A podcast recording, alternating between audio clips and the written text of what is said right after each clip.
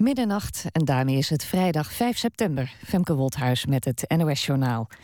De vier ouders die vorige week vrijdag in Huizen zijn gearresteerd omdat ze met hun kinderen naar Syrië wilden vertrekken, gaan na hun vrijlating waarschijnlijk niet direct naar huis. De burgemeester wil met de advocaten overleggen hoe het verder gaat. Of ze terug naar huis kunnen hangt onder meer af van de sfeer in de buurt. Een van de arrestanten blijft nog vastzitten omdat er aanwijzingen zijn dat hij voorbereidingen had getroffen voor deelname aan terroristische activiteiten. De Raad voor de Kinderbescherming zal samen met de kinderrechter beslissen of en wanneer de kinderen weer thuis kunnen gaan wonen. Nederland gaat het Oekraïense leger helpen. Premier Rutte maakte dat bekend na de eerste dag van de NAVO-top in Wales. Het bondgenootschap gaat fondsen opzetten om het leger van Oekraïne te ondersteunen. En Nederland zal een van die fondsen gaan leiden. De regering trekt daarvoor de komende twee jaar 400.000 euro uit. Het gaat om verbetering van de logistiek en van de aankoop van materieel. Premier Rutte benadrukte dat Nederland niets voelt voor wapenleveranties aan Oekraïne. Ruim 200 mensen uit Diemen brengen de nacht elders door... na de explosie in een flat vanmiddag. Daarbij vielen twee doden. Twee mensen worden nog vermist, er zijn 15 gewonden. Volgens de politie ging het om een gasexplosie... die werd veroorzaakt door werkzaamheden. Door de ontploffing ontstond een grote brand... en het flatgebouw is zwaar beschadigd. De Prins Klausprijs gaat dit jaar naar de Colombiaanse kunstenaar en plantenexpert Abel Rodriguez. Rodriguez werd in 1941 geboren in het Amazone-regenwoud. Hij was lid van een indianenstam en zo leerde hij veel over de planten in het gebied. Die kennis gebruikte hij later in zijn tekeningen en schilderijen. Volgens de jury is het werk van Rodriguez van grote waarde voor de kunst en de wetenschap. De Indiaanse schilder krijgt de prijs op 10 december.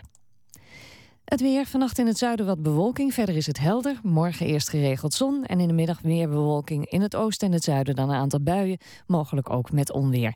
En het wordt 23 tot 26 graden. Dit was het NOS Journaal. NPO Radio 1. VPRO. Nooit meer slapen.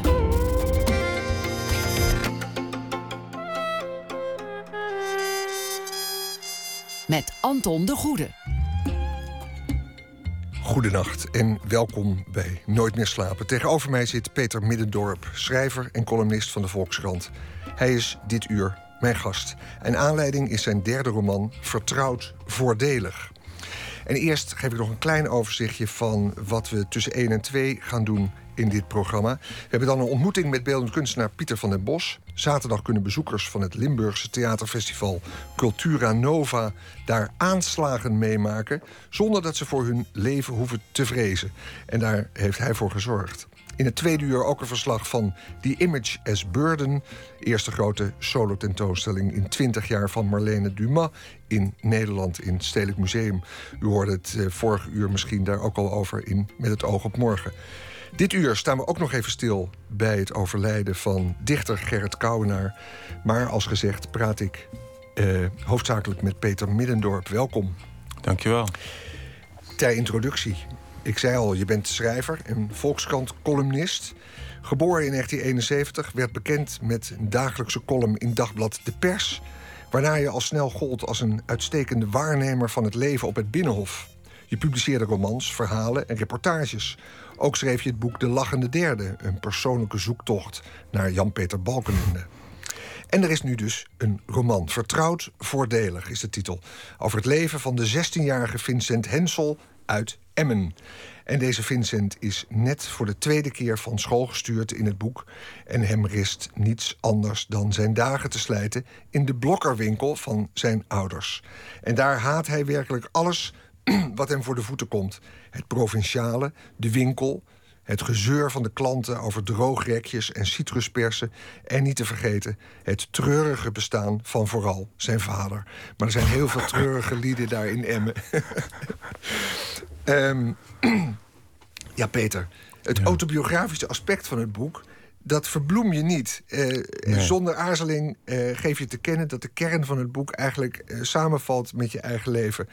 Waardoor je toch als lezer denkt, wat rot voor die ouders. Ja, dat kan ik me wel voorstellen, ja. ja.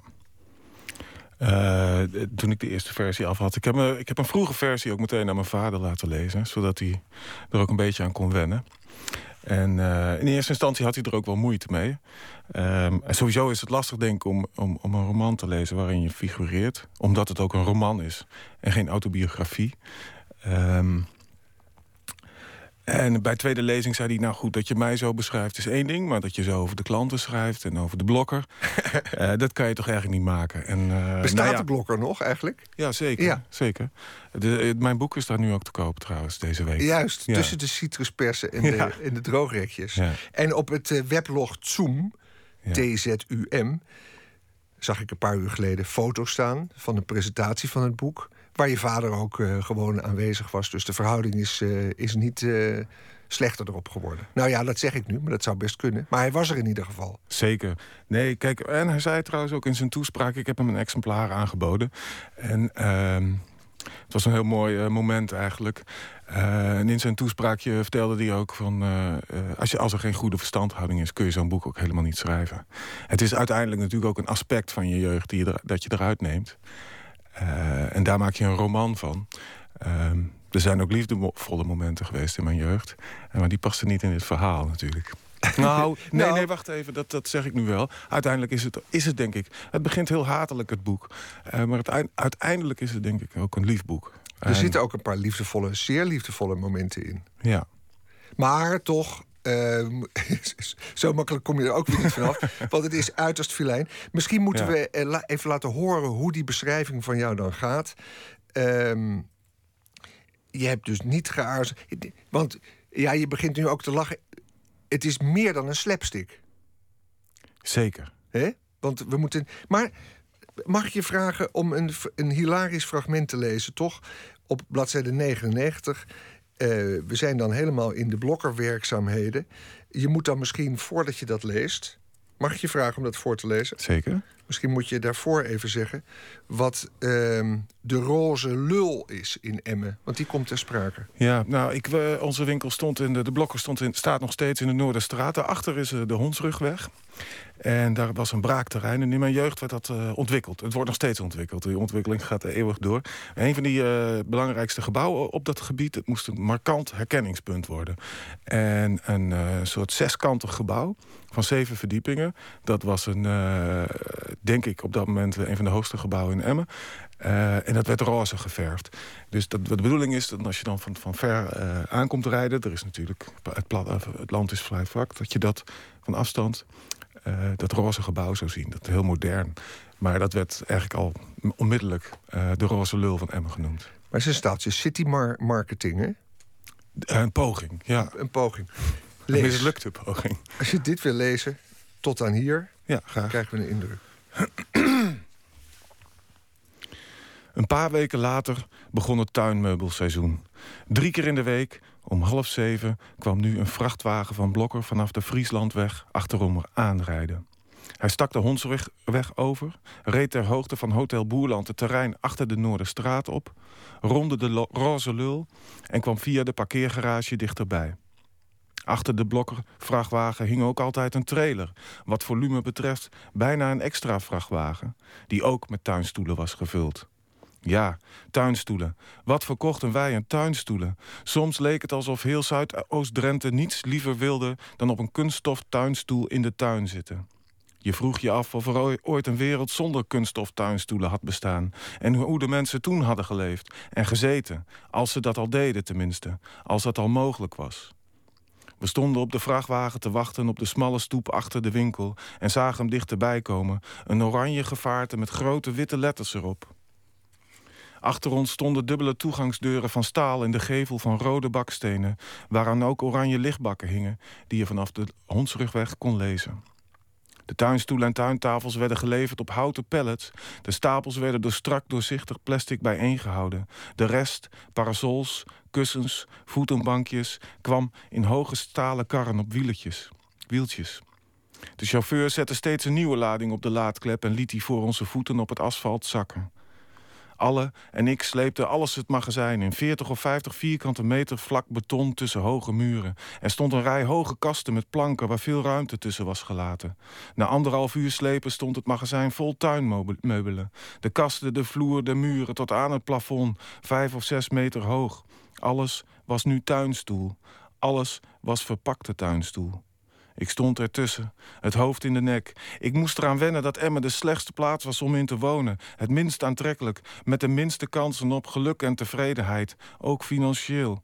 Er hadden vaak genoeg zulke onderzoeksresultaten in de krant gestaan. Het enige voordeel van Emmen was, waar je ook naartoe ging, het maakte niet uit, elke vakantie was leuk. Ik las uh, bij Frontaal Naakt dat er getwitterd was... als je het woord Drent vervangt door neger, heb je een rel. Waarop jij retweette... als ik de roman door mijn kamp had vervangen ook. Ja. Er, er, wordt gemopperd. Je vader is dan genereus om te zeggen van... ja, het, het, het is leuk en moet kunnen. Nou, hij is er nu, ik, ik, ik, maakte dat net niet af, maar het is, hij heeft, het is, het is juist, hij, vindt, hij is nu heel trots. Hij vindt het heel mooi eigenlijk. Mm. Ja. Uh, maar sorry. Maar er zijn ook negatieve reacties. Dus kortom, mensen die zich opwinden over hoe je eigenlijk uh, je, je, nest bevuilt. En de omgeving waar je vandaan komt uh, in een zwart daglicht zegt. Dat is mild uitgedrukt, ja. Ik zou eerder zeggen dat Drenthe... Nou, het gaat de hele week nergens anders over. De Drentse Courant, zou ik bijna zeggen. De Dagblad van het Noorden staat elke dag een groot stuk. Op pagina 3, een grote opiniestukken.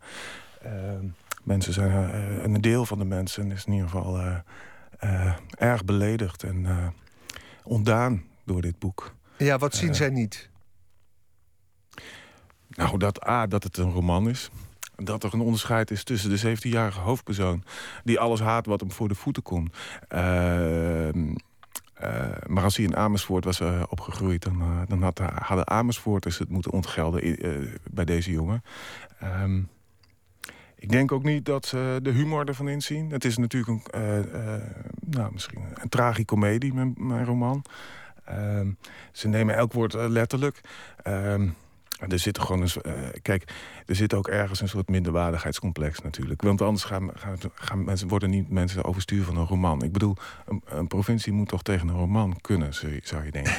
ja, sterker nog, je zou kunnen zeggen... en dat zegt Arie Storm vanavond in het Parool... die het boek heel goed bespreekt. Ja. Die zegt, ze zouden trots moeten zijn op een schrijver in hun midden. Of zei hij dat niet? Ik geloof het ja, wel. Ja, ja, ja. Nou, die reactie heb je dus ook van. Mensen, maak je niet zo druk. Je zou toch trots moeten op zijn. Je zou het ook zelfs... Want er zijn, er zijn rare dingen gebeurd. Je hebt bijvoorbeeld een burgemeester uit A en Huns... een hele grote verzamelgemeente. Die is al drie dagen bezig met weblogjes schrijven... en uh, uh, zo, ja, om, om uh, mij zwart te maken en om het, met deze kwestie bezig. En de klagen al raadsleden van... ja, we zouden toch over windmolenparken besluiten nemen het college van burgemeester en wethouders komt er niet aan toe, want ze zijn met mij bezig. Uh, ja, er is dan één slimme citypromotor van Emma die zegt... nee, we zijn trots op deze jongen. En, ja, je kunt het ook beter insluiten. Dan maak je het ook onschadelijk. En, dan, uh... ja, en toch kan ik me voorstellen dat je denkt... ja, is het nou niet ook een beetje lullig? Uh, die omgeving van, van, van, van, van de middenstand, van Emmen... Ja. die, die, die je zo'n hak zet... Uh, ongetwijfeld een wat kwetsbare groep. Zeker nu. Het gaat niet goed met kleine winkeltjes. Uh, ja. ja, een liefdevol beeld roep je ook niet op. Nee. Hoe zit dat in je hoofd? Nee, maar kijk... Uh, ik gun de mensen in Emmen en Drenthe het beste. Ik hou ook van die provincie. Ik ben een, een Drent. Dat vergeten mensen ook een beetje soms. Um, ik, ik ben een winkelierszoon. Dus ik, ik, ik, het, uh, ik hou er niet van als ik door een winkelstraat loop in Drenthe... en er staan, er staan panden leeg. Uh, maar ik accepteer dat Krimp er bij, de, bij het noorden hoort. En uh, burgemeesters of mensen die net doen alsof het niet zo is... of dat het wel goed zal komen, die hebben volgens mij ongelijk. Uh, ja, ik ben een schrijver, ik ben geen citypromotor. Ik maak een roman. Ik ben... Ik, ik, ik, ja, ja, en je bent een, uh, een, een, een, scherpe waarnemer. Als we nu um, analyseren dat het, uh, dat het satire is, dan doen we het boek tekort. Want ik dacht, wat hij hier eigenlijk ook verwoordt, Peter Middendorp, is dat hij depressief geweest is als jongen. Je hebt, uh, en dat klinkt nou heel zwaar, maar Ja. was dat niet eigenlijk ook aan de hand? Je hebt de school verlaten. Je was een slimme jongen, maar je hebt de school niet afgemaakt. Eh, dat is autobiografisch. Het is meer dan alleen maar een soort slapstick over wat je daar hebt meegemaakt. Het is wel degelijk een isolement geweest wat je nu in die roman hebt weten te leggen. Ja. Ehm, je, je collega Tommy Wieringa die heeft geschreven... Peter Middendorp is als geen ander gekwalificeerd... om de naaktheid van de mens te beschrijven. En hij laat er dan op volgen... Uh, hij is namelijk zelf ook naakt en schroomt niet om dat zijn lezers te tonen. En dat zijn allemaal wel hele grote bombastische woorden. Maar het is ook waar. Ja, ik vond het heel mooi gezegd. Ja, Mhm. ja. Volgens mij kun je ook niet een ander beschrijven als je niet ook eh, jezelf erin betrekt. Als je niet bereid bent om in je eigen vlees te snijden, vind ik een schrijver althans niet snel interessant. Ehm, dus dat moet er wel bij zitten natuurlijk. En die instabiliteit die je dan aan de dag legt, want dat is het eigenlijk ook. En eh, hoe ver gaat dat in jouw eigen leven? Ehm, eh, mensen die jou kennen, die zeggen: ja, hij, die Peter Middendorp, die is eigenlijk een beetje verlegen man bijna. Behalve op sommige momenten kan hij ongehoord fel uit zijn slof schieten. En zo kennen we je ook uit je geschriften, ook uit je columns. Die kunnen af en toe bam, eh, right between the eyes aankomen. Ja. Is dat een instabiliteit die je van jezelf kent? Schuchter en schaamteloos, zeggen, eh, heeft, heeft Gustav Bessems wel eens geze- Ja, gezegd. ja, En, nou. nou, dat, dat vind ik zelf heel mooi. Ehm, ik kan ook wel fel uit mijn ogen schieten, eh, uit mijn slof schieten. Dan is er een zaak die, die dat rechtvaardigt in mijn ogen. Ehm, en ehm, ja, En waar komt het dan vandaan, die woede? Heb je dat ooit geanalyseerd? nee. Waar woede vandaan komt? Ja, dat heeft natuurlijk met de hele menselijke conditie te maken, denk ik. Het, het, eh, ja, god, het tragicomische eh, feit dat we bestaan. En eh, dat er weinig aan te doen is. En ehm, ja, elke, elke ademteug brengt je dichter bij de dood, zullen we maar zeggen. Dat, dat is wel een soort, soort onderliggend besef. Dat we dat toch de meeste mensen toch wel enigszins met zich meedragen. En eh, dat komt de ene keer wat, wat sterker aan de oppervlakte dan de andere. En, ehm, maar kijk, ik, ik, ik, ik heb ook een grote voorkeur voor de tragicomedie. Ehm, voor, de, voor het onbedoelde effect, het averechtse effect. Het, eh, het, eh, mensen, kijk, dat is volgens mij de grondstof van elk verhaal... is dat iemand een poging doet tot iets. Iets een plan maakt. Iets, hij wil iets. Eh, en het loopt altijd anders dan je verwacht. Dat, dat is eigenlijk de grondstof van mijn verhalen. En daar hou ik van. Terwijl het eigenlijk ook een beetje triest is natuurlijk. Of het tragisch, laat ik het zo zeggen. Maar ja, ik heb daar ook een hele grote liefde voor. Dus ehm, We praten straks verder over waar je nu woont, over het schoolverlaten, over het verhalen vertellen, over de literatuur en over, ehm, over Emmen en de Drent en de grote stad waar je ook eh, gezeten hebt, maar die je ook op een gegeven moment weer de rug toe hebt gekeerd. Want waar woon je nu? Groningen. Daar ga je zo meteen ook weer naartoe. Je bent eigenlijk weer naar, terug naar de geboortegrond.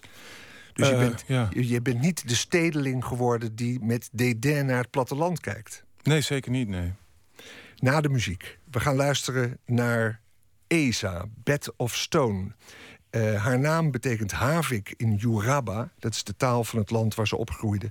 En dat land is Nigeria. Ik heb het over een zangeres die tegenwoordig in Parijs woont. Onlangs verscheen haar nieuwe album Bed of Stone. En daarvan is hier het titelnummer.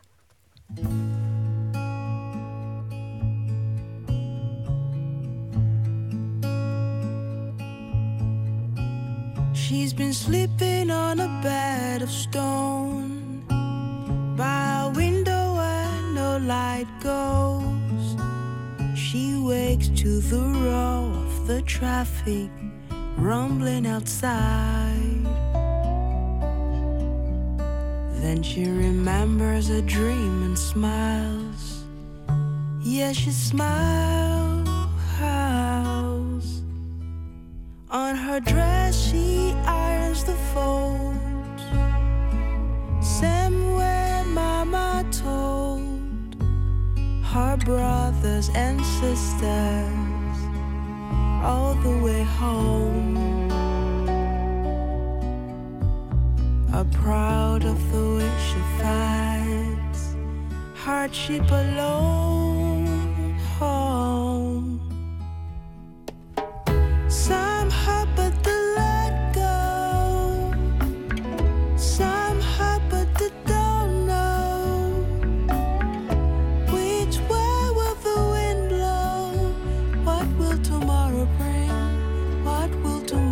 spring. On her feet from dawn to night, working jobs others don't like. Sometimes she wonders if they know that she's there. The way that they talk to her, look through a stare.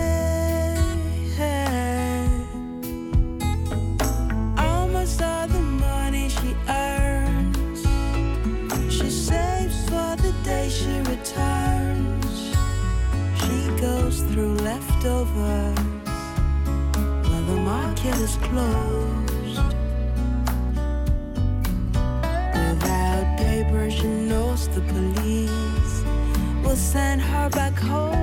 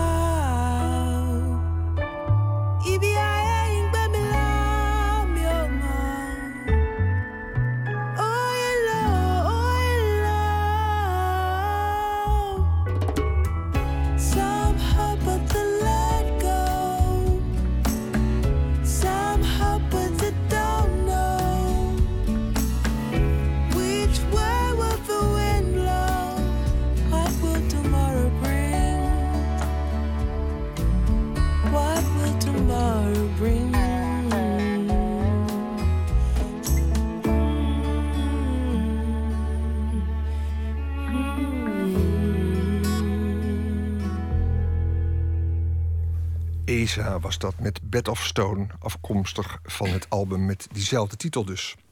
En we praten hier in Nooit meer slapen over Vertrouwd Voordelig. Roman van Peter Middendorp, die onze gast is tot één uur. En die roman die gaat over de 16-jarige Vincent Hensel uit Emmen. Deze Vincent is in het boek net voor de tweede keer van school gestuurd... en beland als werknemer in de blokker van zijn vader. En je hebt dat beschreven. En ik zei net voor de muziek... eh, ja, dat ik het ook ervaar als het beschrij- beschrijven van een depressie.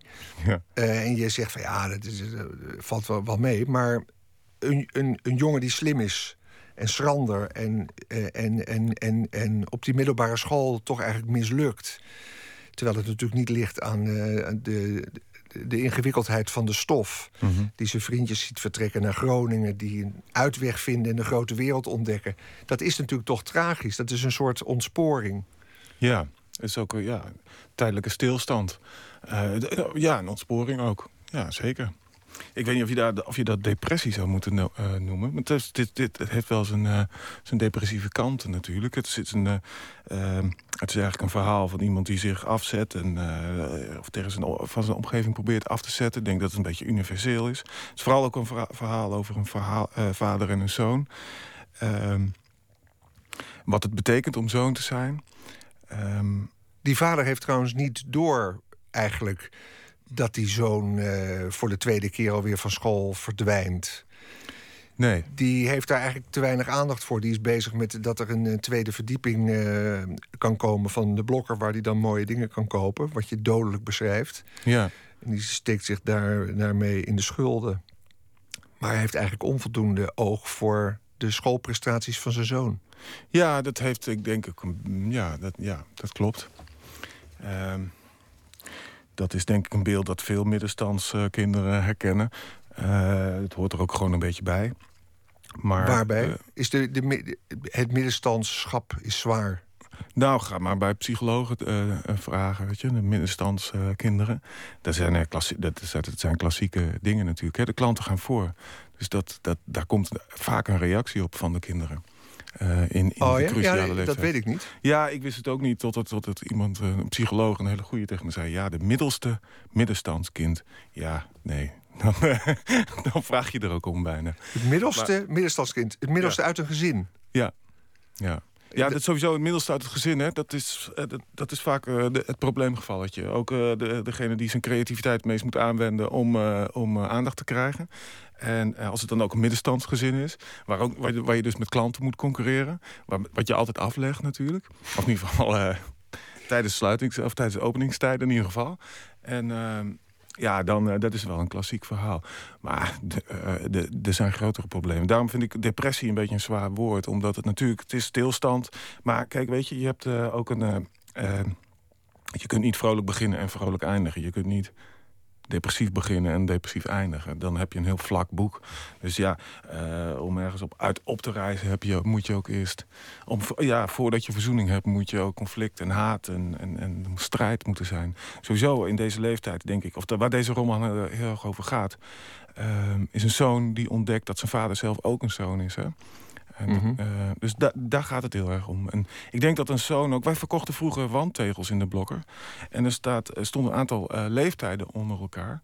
En met daarachter wat de zoon over zijn vader denkt. Dus eh, zes, mijn vader is een held. 16, mijn vader is de grootste sukkel van de wereld. 40, even aan mijn vader vragen. Dus 70, was mijn vader er nog maar. Die had het wel geweten. En ehm, dat is heel universeel, denk ik. Daar, daar, daar past dit verhaal ook in.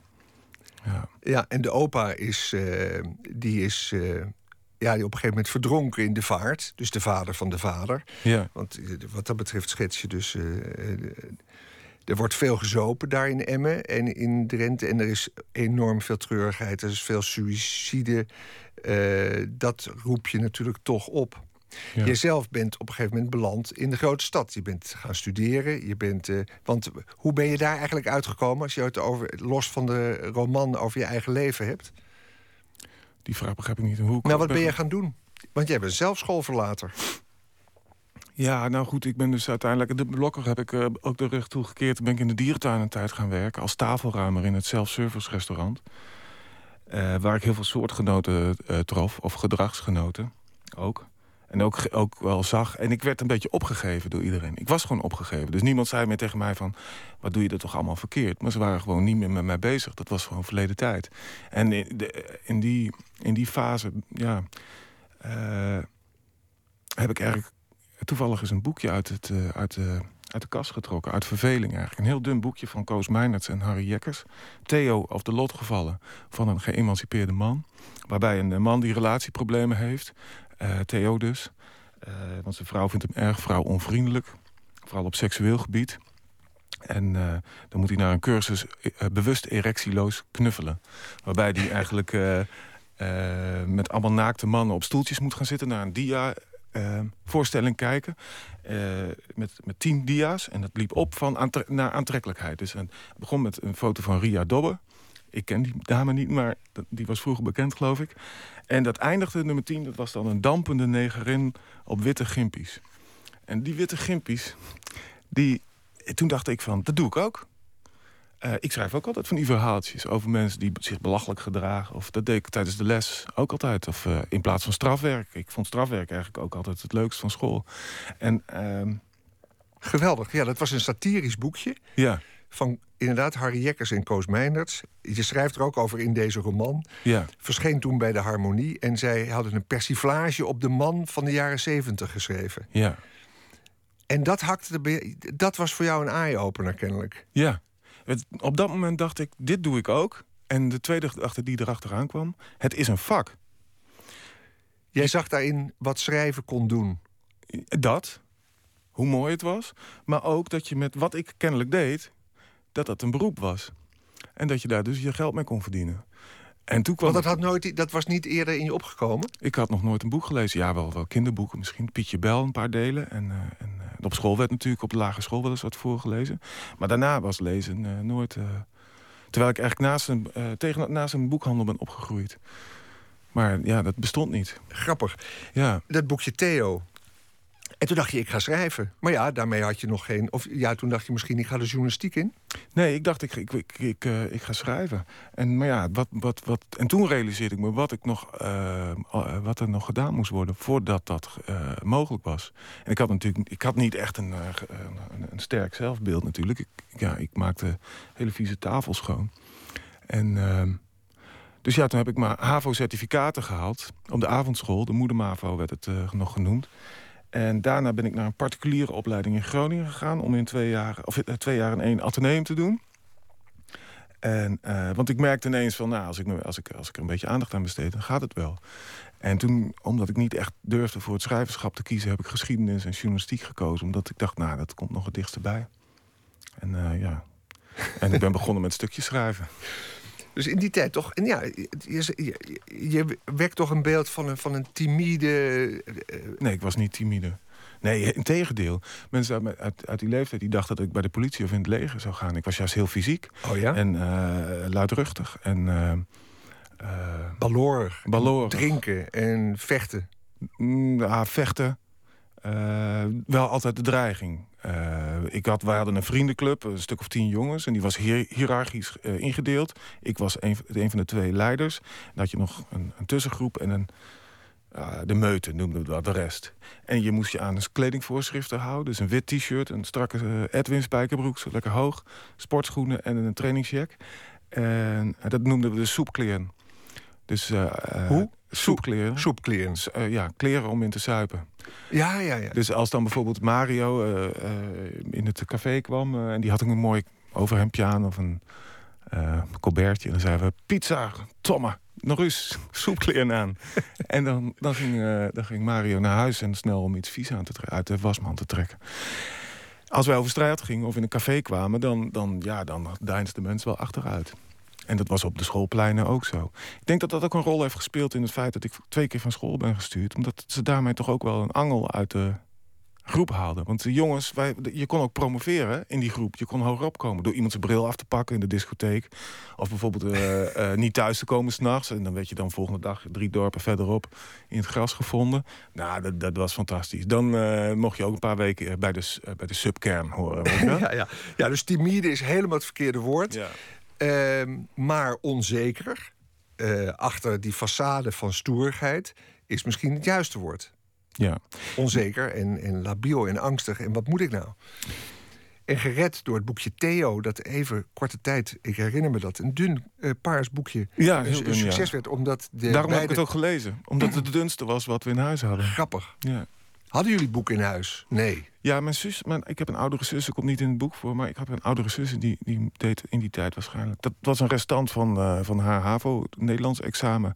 Die heeft waarschijnlijk gewoon de dunste boekjes van de Nederlandse literatuur verzameld en die op haar leeslijst gezet. En zo komt dat boekje in ons huis. Je zei net, eh, ja, kern van het boekje is eigenlijk de rol van mijn vader, toch? ja, Ehm, lijken jullie op elkaar? ja. Zowel uiterlijk als eh, in. eh, En wat is dan het probleem? Ja, kijk, het probleem was... Kijk, ik zag mijn vader. Mijn vader was heel gedienstig eh, ten opzichte van de klant. Als mensen een pand terugbrachten waar de dop, doperwten nog in zaten... en die zeiden van, ja, deze hebben we dubbel, die hebben, die hebben we niet nodig... dan gaf mijn vader of een nieuwe pan of een geld terug en zo. Hij zag hij is gebruikt, Ja, dus hij kon hem eigenlijk niet terugnemen... maar hij nam dan het verlies zelf. ja. Hij nam liever verlies dan dat hij het conflict of de strijd aanging. Staat ook in het boekje en dan gaf Ja. hij hem later aan je moeder... en die zei, ik heb al drie van die pannen. Ja. ja, Een man zonder ruggengraat. dacht ik.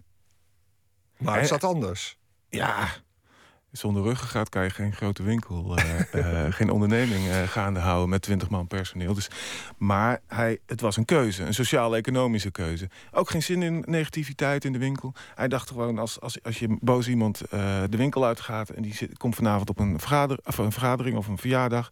en die zegt, maar, weet je waar je nooit meer naartoe moet gaan? Die rotwinkel in de Noorderstraat van Emmen. En die dacht, nou, dat, dat kost ongeveer zoveel. Hoeveel moet je investeren om die schade eh, te herstellen. Ja. Moet je misschien een advertentie tegenover zetten. Dat is veel duurder dan een pan. Dus het was ook een economische. Maar wat mij stoorde was natuurlijk dat gedienstige. Ja, En dat vind je dan als puber heel vervelend. En nu ben je wat ouder en nu denk je van ja, ik ben zelf ook een pragmaticus. En als ik. eh, of- Nou ja, het was natuurlijk ook de Drentse mentaliteit die daar heel erg in zit. Van een beetje angstig, een beetje onzeker. Bij ons in de straat eh, een beetje bang voor klanten ook. Liever geen geld durven te vragen voor je producten. Sommige winkeliers bij ons in de straat hielden de lampen altijd heel zacht. In de hoop dat de klanten voorbij liepen. Eh, dat ze dachten van, oh, die zal wel gesloten zijn. Als ze over straat gingen, dicht langs de gevel, hoofd naar beneden. maar je wilt toch juist dat een klant binnenkomt? Ja, in- uit de meeste mensen wel, ja. Maar bij winkeliers in onze straat... Er was, de juwelier kwam niet uit zijn werkplaats. En die, ja, die wachtte tot, tot het zes uur was. Dat was het mooiste moment van de dag. Het is, een, eh, het, het is een hilarisch boek, vertrouwd voordelig. We praten straks verder na de muziek van Palm Ghosts uit Philadelphia. Een gezelschap rondom zanger, gitarist en songschrijver Joseph Lekkers. Ondanks verscheen, onlangs verscheen hun eerste titeloze cd... en daarop staat dit, Dr. Tiger. thank you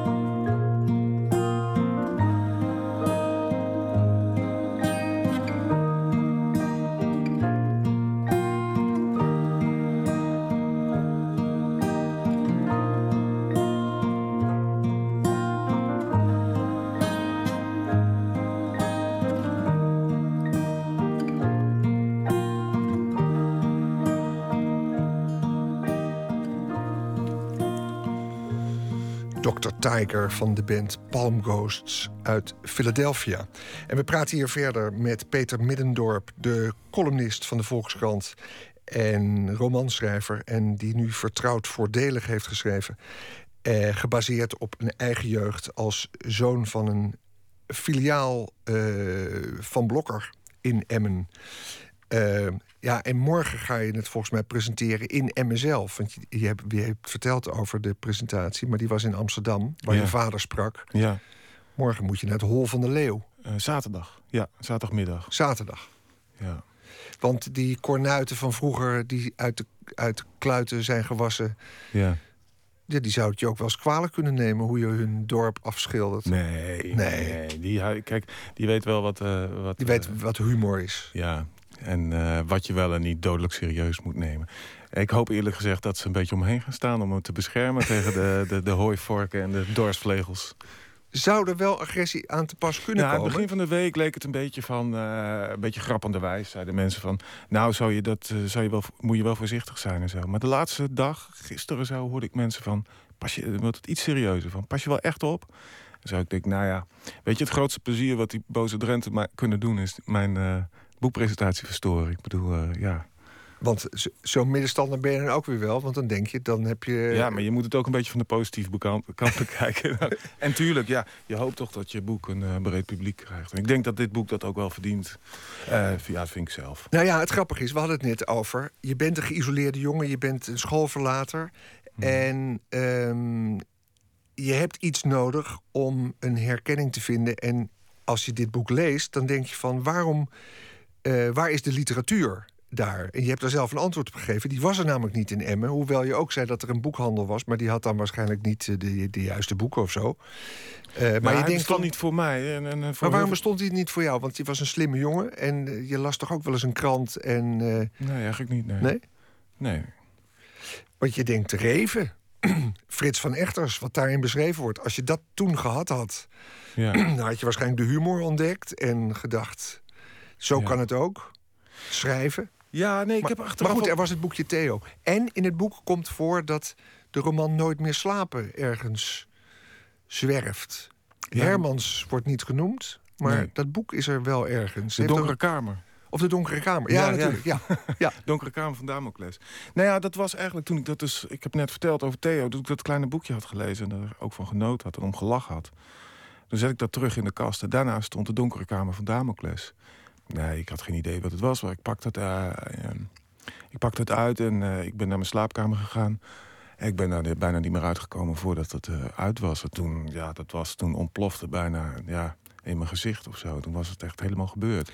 En toen is er waarschijnlijk ook een soort versnelling bij je ingetreden. En ben je gaan studeren uiteindelijk. Ja. En ben je naar de grote stad eh, Amsterdam. Voor eh, iemand uit Emmen is dat een grote stad. Mhm. Gegaan. Heb je daar gevestigd. Maar dat was geen succes. Waarom eigenlijk niet? Eh, ik denk dat je ook refereert aan een verhaal wat ik heb geschreven in de Volkskrant voor de zomer. Waarin het ging over wat me destijds aantrok en afstoten aan de grachtengordel. En het schrijverscafé had een enorme eh, aantrekkingskracht op mij. Omdat ik natuurlijk ook, ondanks toen dat ik intussen had gestudeerd en het nodig had gelezen, eigenlijk nog niet zoveel van, van die wereld wist. Dus ik wou ook zoveel mogelijk schrijvers leren kennen en, en naar ze kijken en met ze praten. En eh, eh, iemand worden zoals zij.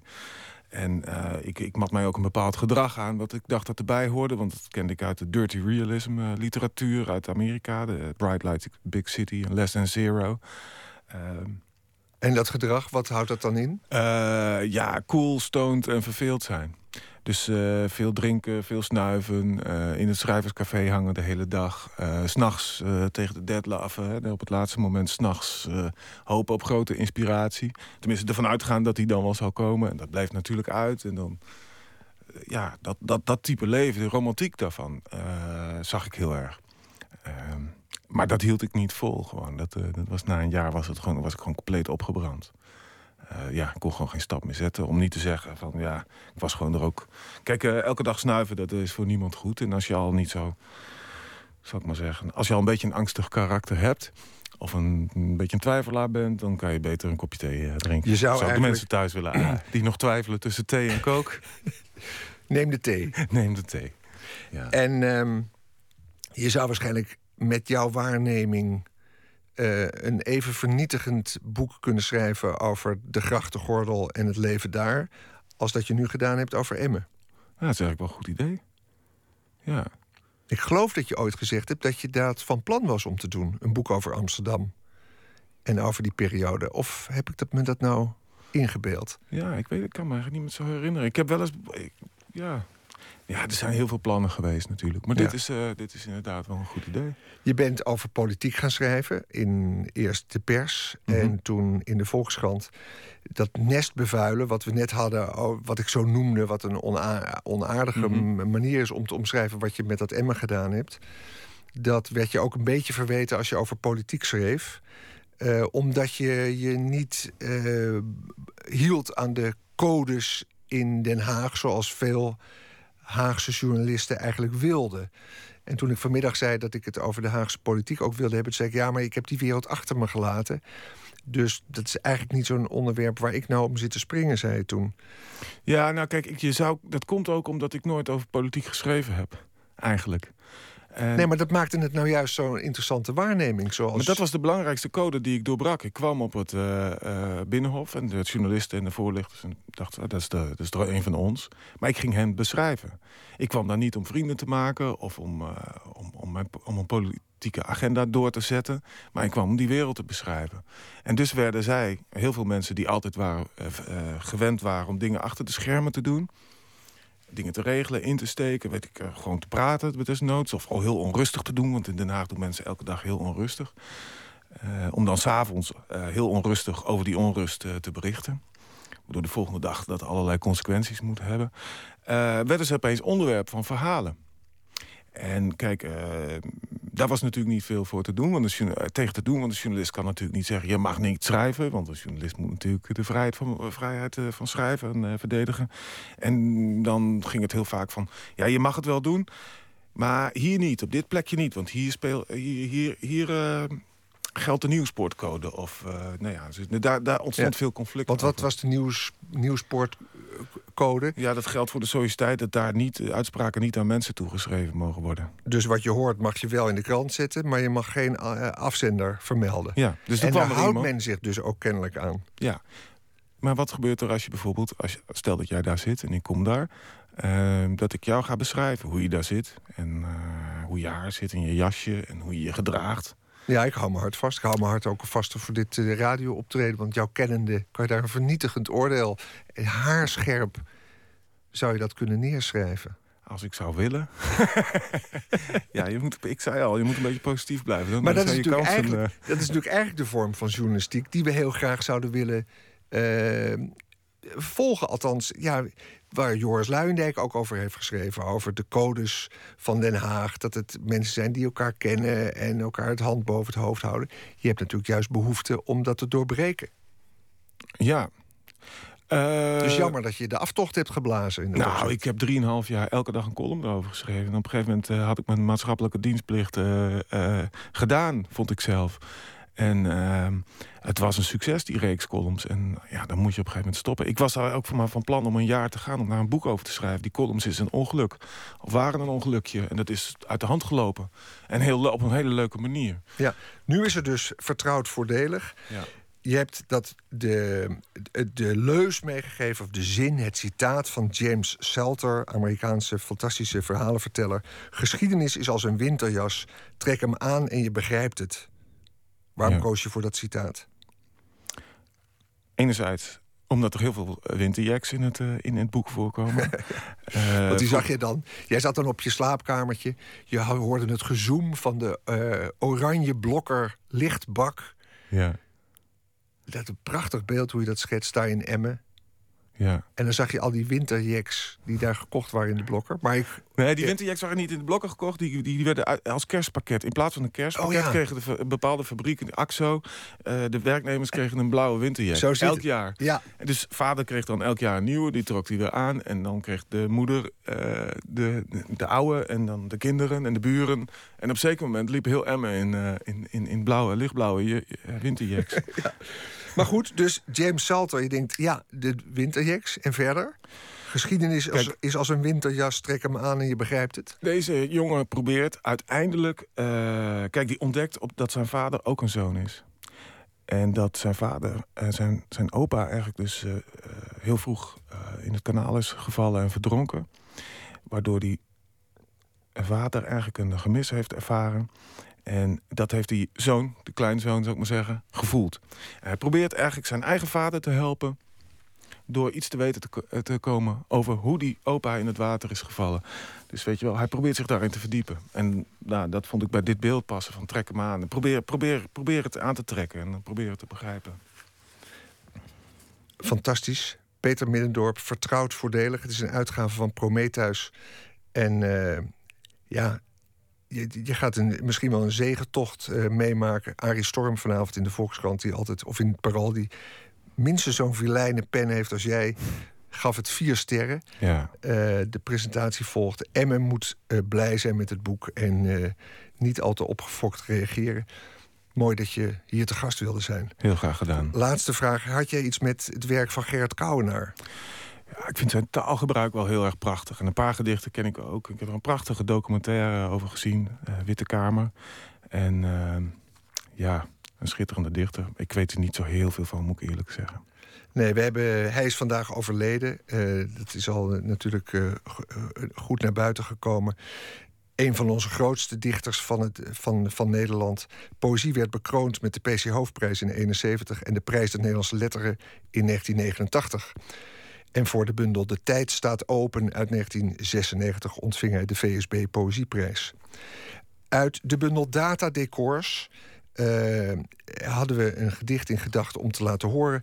Totdat we een, ehm, een bandje kregen van eh, een laatste optreden dat hij deed bij de VPRO in het programma De Avonden. Ehm, hij was toen te horen in de rubriek De Levende Dichtersalmanak in 2002. En dat was naar aanleiding van die bundel die jij noemt, eh, die we hier hebben. De totaal witte kamer. En die schreef hij naar aanleiding van het overlijden van zijn vrouw. Oh ja? Ik heb hem toen gevraagd ehm, of er misschien iets gemeenschappelijks, gemeenschappelijks was op te merken over de vijftigers. Remco Kampert, Luce Beer, Bert Schierbeek, hijzelf. Of ze iets gemeenschappelijks hadden op het gebied van hun houding ten opzichte van de dood. En ik sprak hem ook over gedichten schrijven. We la- laten een, eh, een deel van dat gesprek nu horen. Nou, dat lijkt me wat uh, vergezocht. Maar het is natuurlijk wel zo dat ja, de generatie van de vijftigers... en uh, dat zijn niet alleen de vijftigers, maar überhaupt de schrijvers... toch iets met die dood hadden. Het is natuurlijk toch merkwaardig dat je, dat je als... Uh, ja, ik was 16 jaar toen de oorlog begon. En de 21 nu was afgelopen. En dat is een leeftijd dat je over het algemeen met andere dingen bezig bent met het doodgaan. Maar dat was natuurlijk iets wat buitengewoon dichtbij was. Een, het leven was wel ja, op, op hele primitieve wijze werd je aan het verstand gebracht uh, wat, wat de dood was en, wat, en hoe beperkt het leven kon zijn. De hele wereld stond in de brand, de joden werden weggehaald en je vriendjes gingen in de bak en je hebt zelf in de bak gezeten. Dat is ook iets wat ja, op een leeftijd dat, dat kinderen gemeenlijk uh, tennissen leren spelen of naar dansles gaan of, of voor het eerst in een auto mogen zitten of, of gaan vissen met hun vader. Dat was er allemaal niet bij. Dat is een, een uh, vijf sombere, uh, kwaadaardige, barre jaren. En, nou ja, dat is toch ook iets wat je natuurlijk je leven niet meer kwijtraakt... zonder dat we de hele verder ons leven bezitten te snikken. Maar dat is toch heel dichtbij ge geweest, hè? Ja. Wat zich opvalt, of, dit gedicht horend en lezend zingt het en danst het. Uh, dat is, dat, maakt, ik bedoel, dat maakt het natuurlijk ook een geweldig gedicht. En het, het hakt erin. Uh, is het nou slijpen geblazen aan zo'n gedicht? Is het nou, want het, het, lijkt me zo balanceren op het randje dat het niet sentimenteel mag worden. Dat het ja. niet pathetisch mag worden. En dat wordt het ook niet. Wat is, wat is nou de.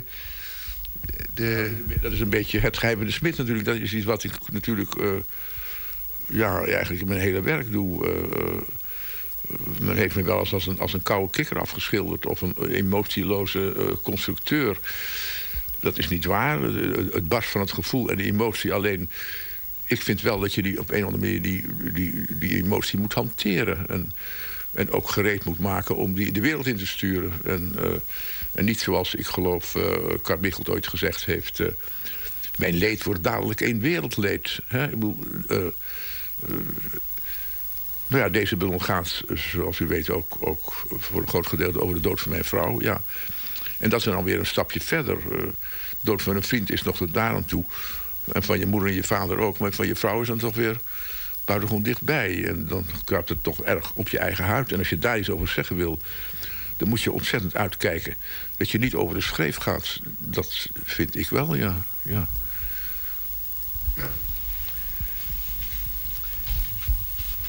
En dat geheim van de smid, niet over de schreef gaan? Nou ja, dat is toevallig met dit gedicht. Ik moest dat, of ik moest dat, mij werd verzocht dat te schrijven... en dan heb je niet zo erg lang tijd. Dus ik heb dat toen ook... eh, ik zat in Frankrijk, toen heb ik dat in Frankrijk geschreven. En ik denk dat ik er later nog wat, misschien zelfs in de drukproef... eh, heb zitten te knoeien. Maar het is toch een van de weinige gedichten die vrij snel zijn ontstaan. Ja. Dat zeggen in een week of zoiets dergelijks. Over het algemeen is dat... eh, bij mij duurt het veel langer, de laatste jaren. Ja.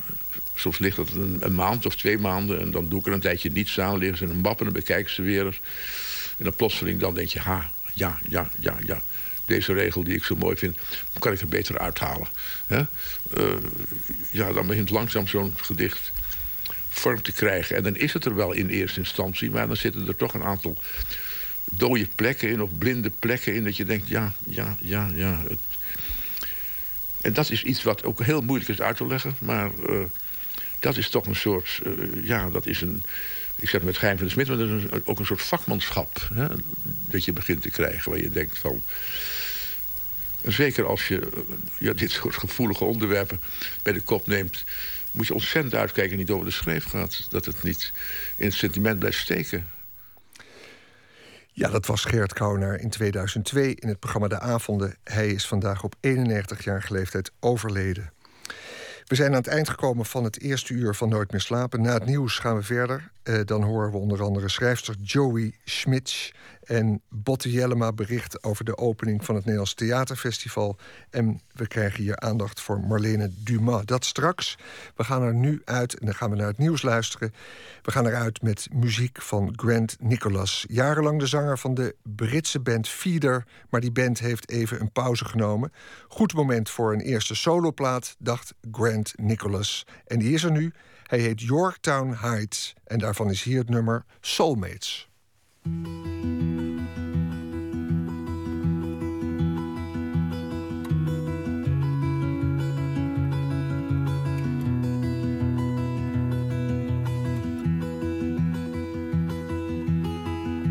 You're the match that lights the fire, a stepping stone across the mire. To the end, you're the voice inside of me, bringing joy and harmony. Soulmates to the end, let's pack our bags so we can sail away, sail away. Leave the city for the sea. The ocean's calling me when we go back. We can tell our friends have seen.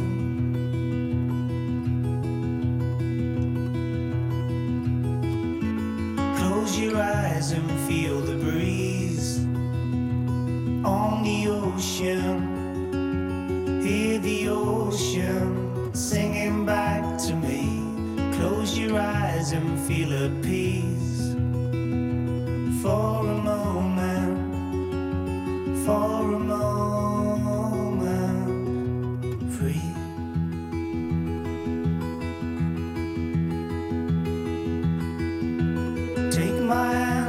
leave tonight. Leave those aching thoughts behind. Soulmates to the end. We'll write our names into the sand. See new islands, different towns. Soulmates to the end. Let's pack our bags so we can sail away, sail away. Leave the city. The calling me when we go back. We can tell our friends what we have seen.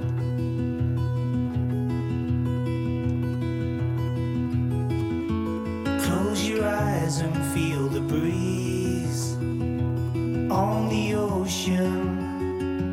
Hear the ocean singing back to me. Close your eyes and feel at peace for a moment, you'll be lifted free.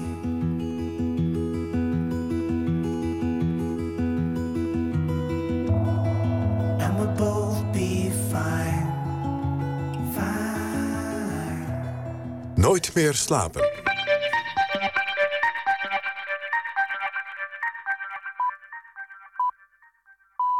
Eén uur, Femke Wolthuis met het NOS Journaal. De Nederlands-Iraanse mensenrechtenactivist Abdullah al-Mansouri komt vrij. Dat maakte zijn zoon bekend aan het ANP. De 69-jarige mensenrechtenactivist uit Maastricht werd in 2006 in Iran ter dood veroordeeld wegens terroristische activiteiten. Later werd die doodstraf omgezet in een gevangenisstraf. Omdat Iran zijn Nederlanderschap niet erkende, liepen pogingen van Nederland om te bemiddelen in de zaak op niets uit. Ruim 200 mensen uit Diemen zijn na de explosie in een flat gistermiddag ondergebracht in een kazerne en in hotels. Bij de gasexplosie vielen twee doden. Twee mensen worden nog vermist en er zijn 15 gewonden. Volgens de politie werd de explosie veroorzaakt door werkzaamheden aan de lift. Door de ontploffing ontstond een grote brand en het flatgebouw is zwaar beschadigd. De vier ouders die vorige week vrijdag in Huizen zijn gearresteerd omdat ze met hun kinderen naar Syrië wilden vertrekken, gaan na hun vrijlating waarschijnlijk niet direct naar huis. De burgemeester wil eerst met de advocaten overleggen hoe het verder gaat. Of ze terug naar huis kunnen hangt onder meer af van de sfeer in de buurt. Een van de arrestanten blijft nog vastzitten, omdat er aanwijzingen zijn dat hij voorbereidingen had getroffen voor deelname aan terroristische activiteiten. Nederland gaat het Oekraïense leger helpen. Nederland gaat een van de NAVO-fondsen leiden die dat Oekraïense leger moeten ondersteunen. De regering trekt daarvoor de komende twee jaar 400.000 euro uit. Het gaat om verbetering van de logistiek en aankoop van materieel. Premier Rutte benadrukte in Wales dat Nederland niks voelt voor wapenleveranties aan Oekraïne. De grote Prins Klausprijs gaat dit jaar naar de Colombiaanse kunstenaar en plantenexpert Abel Rodriguez. Rodriguez werd in 1941 geboren in het Amazone-regenwoud en hij leerde als lid van een indianenstam veel over de planten in het gebied. Volgens de jury is het werk van Rodriguez van grote waarde voor de kunst en de wetenschap. Hij krijgt de prijs op 10 december. Het weer, het is helder, het is 14 of 15 graden. Morgen eerst zon, later in het oosten en zuidoosten buien, mogelijk met onweer. En dan wordt het 23 tot 26 graden. Dit was het NOS Journaal. NPO Radio 1. VPRO. Nooit meer slapen.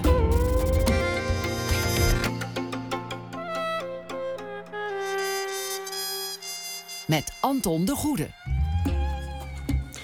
Welkom terug bij Nooit meer slapen. Ehm, nog één uur te gaan. En wat brengt ons dat? Straks gaan we kijken bij de voorbereidingen van de Vlaamse kunstenaar Pieter van den Bos.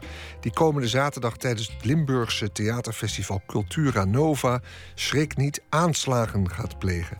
Bezoekers kunnen het meemaken zonder dat ze voor hun leven hoeven te vrezen trouwens. Even na half twee maken we een rondgang langs The Image as Burden. De eerste grote solo-expositie in 20 jaar van Marlene Dumas in Nederland. Vanaf zaterdag zijn bijna 200 van haar belangrijkste werken te zien in het Stedelijk Museum in Amsterdam. Maar we beginnen dit uur, zoals gebruikelijk, met een schrijver of dichter die reageert op iets wat er in de wereld is gebeurd. En deze week doen we dat met Joey Schmitz. Als journaliste schreef ze jarenlang theaterrecensies voor NRC, Handelsblad en de Volkskrant. Als schrijfster debuteerde ze in 2005 met de roman Leopold. En daarna volgden er nog zo wat titels. Goedenavond, Joey. Dag Anton. Of goeienacht eigenlijk dus al, hè? Ja. Ehm, ja, weer benieuwd wat je vandaag gaat brengen... na je eerdere bijdrage over de Gazastrook, over werkstress... en over uitgeprocedeerde asielzoekers.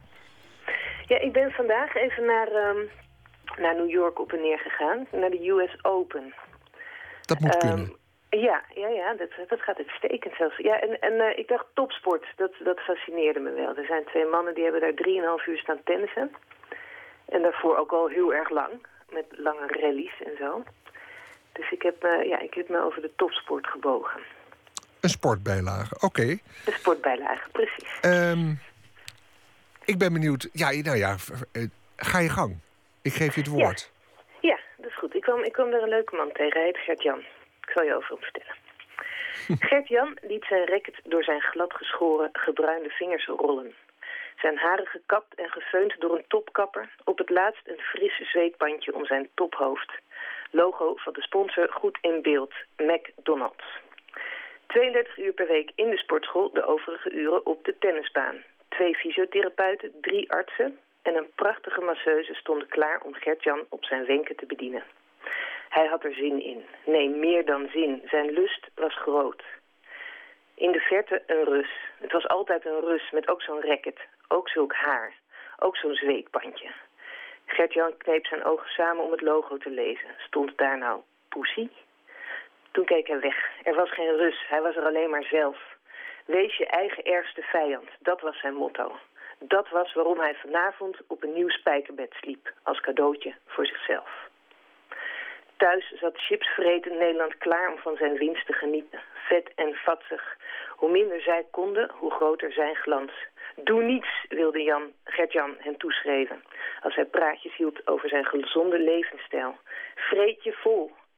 Alleen, alleen zo kon hij zijn goddelijke lijf in volle glorie voor hen offeren. De eerste bal. In het net.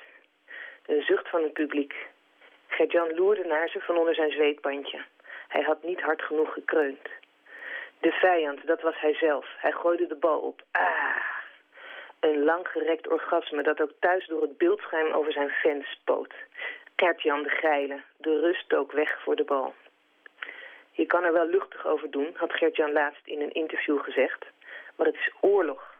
Als ik win, win ik voor iedereen. En als je verliest, vroeg de interviewer. Verliezen is geen optie, zei Gert-Jan en sloeg zijn racket stuk op zijn eigen hoofd. Al dus Joey Smits. Geniet je ook soms een beetje van, eh, van, een, eh, van een goede partij tennis? Want dat is nou niet echt iets wat er nu van afspat, moet ik eerlijk zeggen.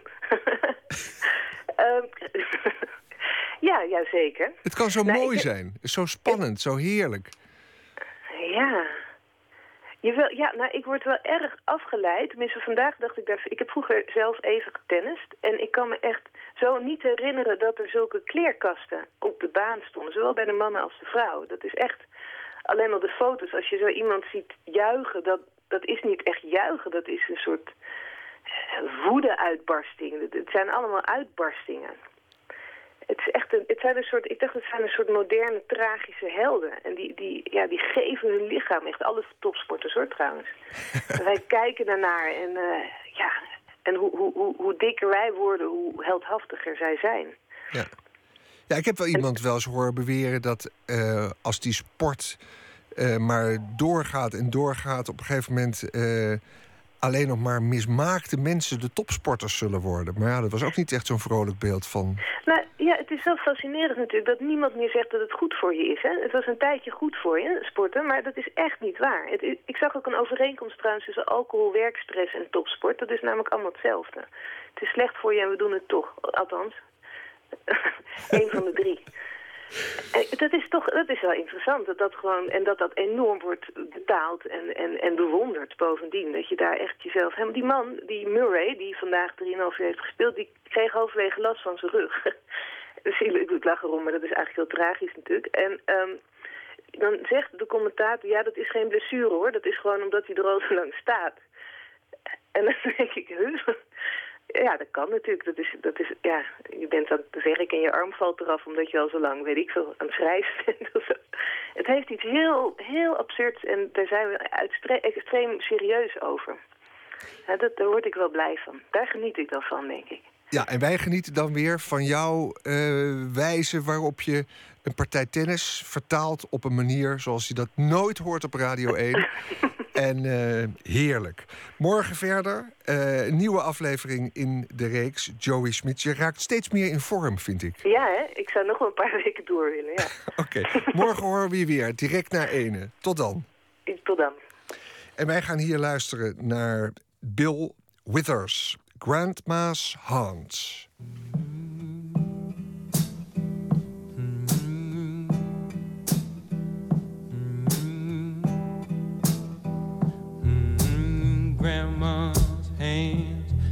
In church on Sunday morning. Grandma's hand played a tambourine so well. Grandma's hand used to issue out a warning. She'd say, Billy, don't you run so fast. Might fall on a piece of glass. Might be snakes there in that grass, Grandma's hand.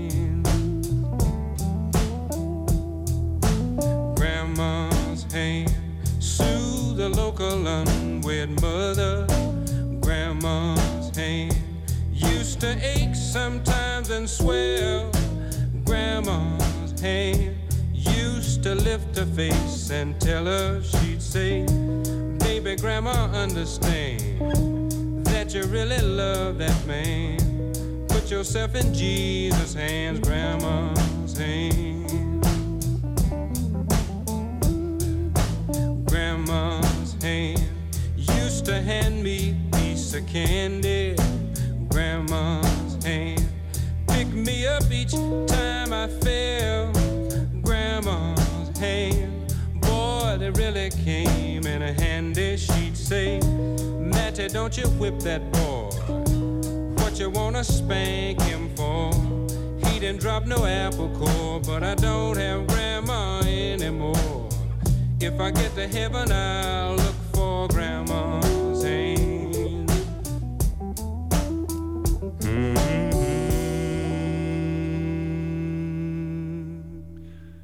Bill Withers, Grandma's Hands. En eh, die kennen we natuurlijk van Ain't No Sunshine. Hè? Die stem, die herken je daarvan. Dit kwam van zijn allereerste album Just As I Am uit 1971.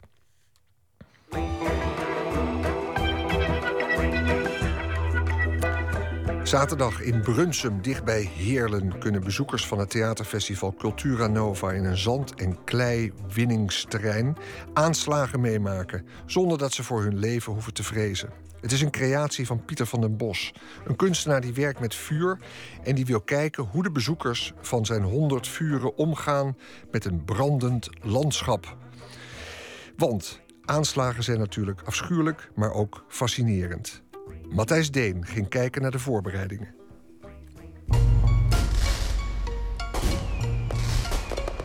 Maar gelijk een mogelijk misverstand uit de weg. Het gaat niet knallen, het gaat alleen maar branden. Nou ja, alleen maar. Laten we beginnen bij de plek waar de aanslagen zonder gevolgen zullen plaats hebben. Het is een terrein van bouwbedrijf Maurik in Brunsum, waar het zand wint en klei. De Brunsumer klei, waar je van die mooie gele bakstenen van kan bakken. Het terrein heet Hendrik, omdat er een berg mijnafval op ligt van de steenkoolmijn Hendrik. Zo'n grote berg zwart puin en rots dat een familie slechtvalken heeft uitgekozen om op te gaan nestelen. Slechtvalken houden enorm van rotswanden. Aan de voet van de berg is een afgraving. Zo diep dat er een meer van grondwater in staat en zo groot dat een Limburgse ondernemer van plan is er ooit de Grand Canyon te gaan nabouwen. Op schaal weliswaar. Door dat enorme landschap, waar een mens heel nietig wordt, kruipen graafmachines als langzame monsters in pluimenstof. En er is een kunstenaar bezig om aan de voet van de berg en aan de oevers van het meer pallets op te stapelen. Dat is Pieter van der Bos. Een jonge Vlaming uit Antwerpen, die zijn publiek in aanraking wil brengen met vuur, maar dan zonder gevolgen. Het Heerlense theaterfestival Cultura Nova, dat Pieter van der Bos geprogrammeerd heeft, belooft de bezoeker een plek zo dicht mogelijk bij een aanslag.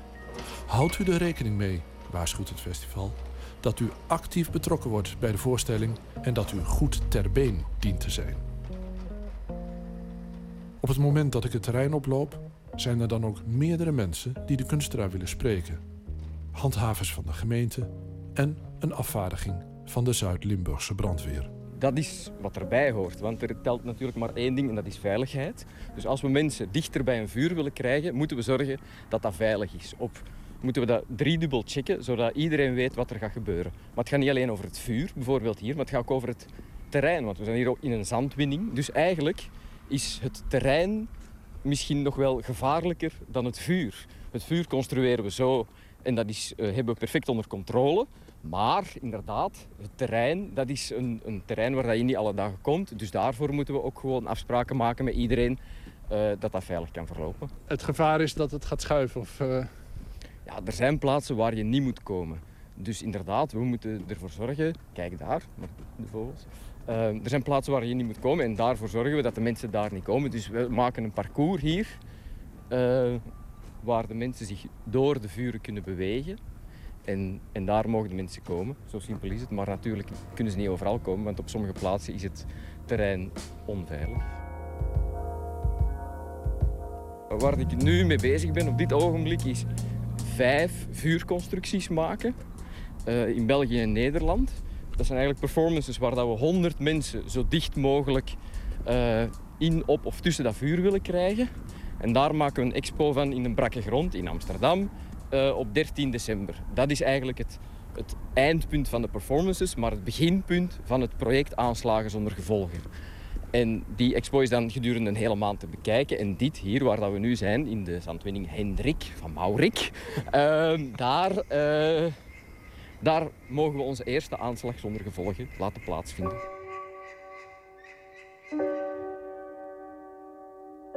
Dit vuurbeeld wat ik hier ga maken, dat we dat niet zo vaak tegenkomen in het echt. We, zien dat vaak via de media, hè, grote aanslagen. Maar dat zijn beelden die zo ver van ons bed staan, maar die we wel allemaal binnenkrijgen.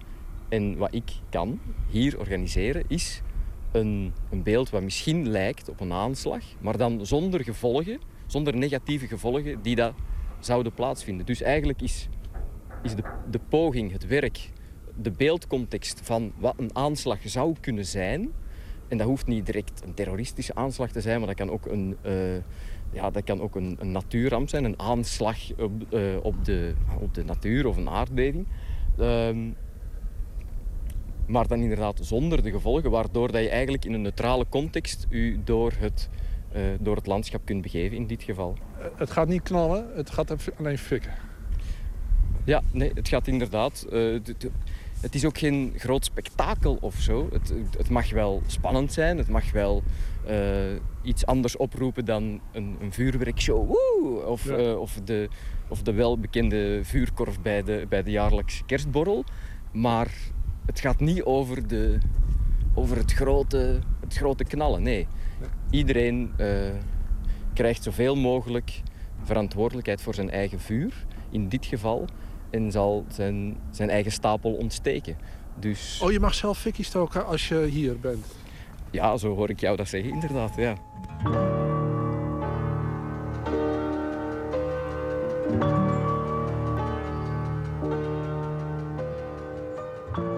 Ik kom zelf uit Twente, het oosten van het land. En daar zijn nou, elk jaar met Pasen zijn daar paasvuren. Ja.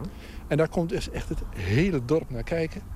Heb jij daar een idee over wat dat is met mensen en vuur? Wat dat, hoe, waar die fascinatie eigenlijk precies zit? We weten het allemaal, snap je? Steek een vuur aan, de mensen komen er rond, er rond zitten. Ze houden hun mond en ze kunnen een hele avond rond een vuur zitten. Dat is een gegeven. Wat we allemaal weten is dat... Ja, dat is een, een, fantastisch gegeven. Maar dat manifesteert zich vaak... Hè, je kan zeggen, een soort... Een huisbrand, daar kan je niet naar, naar kijken, omdat er daar... Je kan er eigenlijk niet naar kijken, omdat er daar eh, slachtoffers bij zouden kunnen vallen. Of mensen hebben materiële schade. Dus dat, dat, daar kan je eigenlijk niet naar kijken als, als het manifesteren van het vuur. Maar in deze context kan dat wel. Dus je, je, je ontneemt in feite die dubbelzinnigheid. Je ontneemt het gevaar aan het vuur. Maar neem je dan, ontneem je dan ook niet zeg maar, de, de essentie van het vuur? Ja, dat gaan we dus onderzoeken, want dat weet ik dus ook niet. Misschien, misschien is er inderdaad geen klap aan. Misschien denken mensen, ja, hallo, uber saai. Maar eh, ja, dat is natuurlijk de, de... Ja, er mag nog een beetje... Het, het enige risico zit, dan, zit hem dan daarin, denk ik. Dus dat, eh, dat gaan we zien. Inderdaad, misschien als er geen belang is van iemand die een nadeel heeft... Ja, misschien valt het dan helemaal op zijn gat. En ja, dat gaan we zien.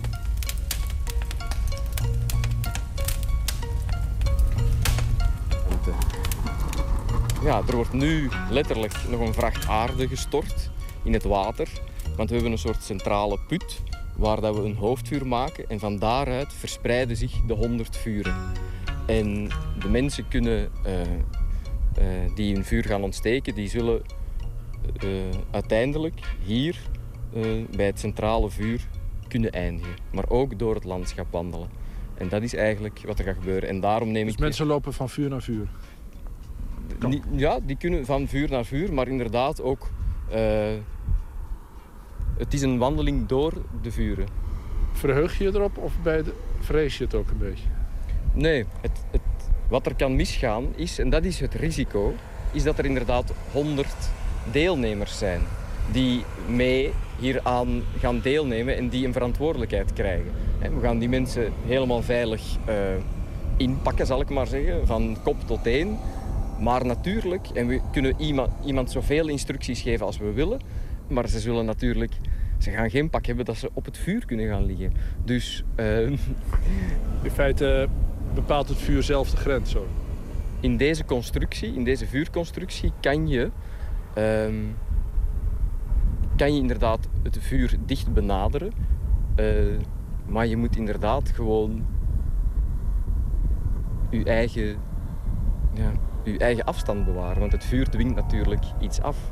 En dat is wat er eigenlijk gebeurt. En omdat dat op verschillende punten is, bepaalt het vuur eigenlijk waar de mensen zich kunnen bewegen. En zullen de mensen zich door het vuur bewegen in plaats van normaal rond het vuur te zitten. Het laatste licht van de dag zal nog niet verdwenen zijn, maar wel bijna. Als de bezoekers, goed ingepakt tegen hitte en vuur, uitkijkend over dit landschap, plotseling op allerlei plekken, beneden en boven ze, vuur zullen zien opspatten. Soms door eigen toedoen, soms als toeschouwer die dit allemaal overkomt. En als de vuren dan zijn ingestort, kunnen ze het brandend landschap betreden, het vuur tegemoet. Wie zoiets maakt, moet het vuur of vrezen of liefhebben. Als je dat onderscheid bij vuur trouwens maken kan. Vuur is bedreiging en geruststelling in één. Een bron van behagelijkheid en een wapen. Ooit de sleutel tot de heerschappij over de natuur. En voor velen, zoals Pieter van der Bos, verbonden met vroeger. Met het gezin, de vader of de moeder die het voordeed. Het huis in de buurt dat afbrandde. Je staat aan een, je staat aan een huis en ik merk dat ik die, die vlammen prachtig vind, hoe- dat die zich manifesteren. Maar je ziet ook inderdaad dat er een enorme eh, ellende zich afspeelt. Waar, dat je, waar, dat je niet, waar dat je niet blij mee kan zijn. Dus het is een soort heel dubbel moment voor mij. Het is zeer fascinerend wat er gebeurt. Beelden die je niet vaak te zien krijgt in het echt. En, en, en toch kan je, er niet, kan je er niet ten volle zijn, omdat je ziet dat mensen inderdaad in diepe ellende zijn. Hoe oud was je toen? Ja, de tienerjaren, denk ik. Ja. Is dat een bepalende gebeurtenis geweest? Eh, het is in ieder geval, ik weet ze nog, dus Ja. ze, ze heeft wel meegespeeld. Maar, maar dat is niet dat het eh, daar, dat is eerder een constatatie of dat ik er naar kan verwijzen. Ja.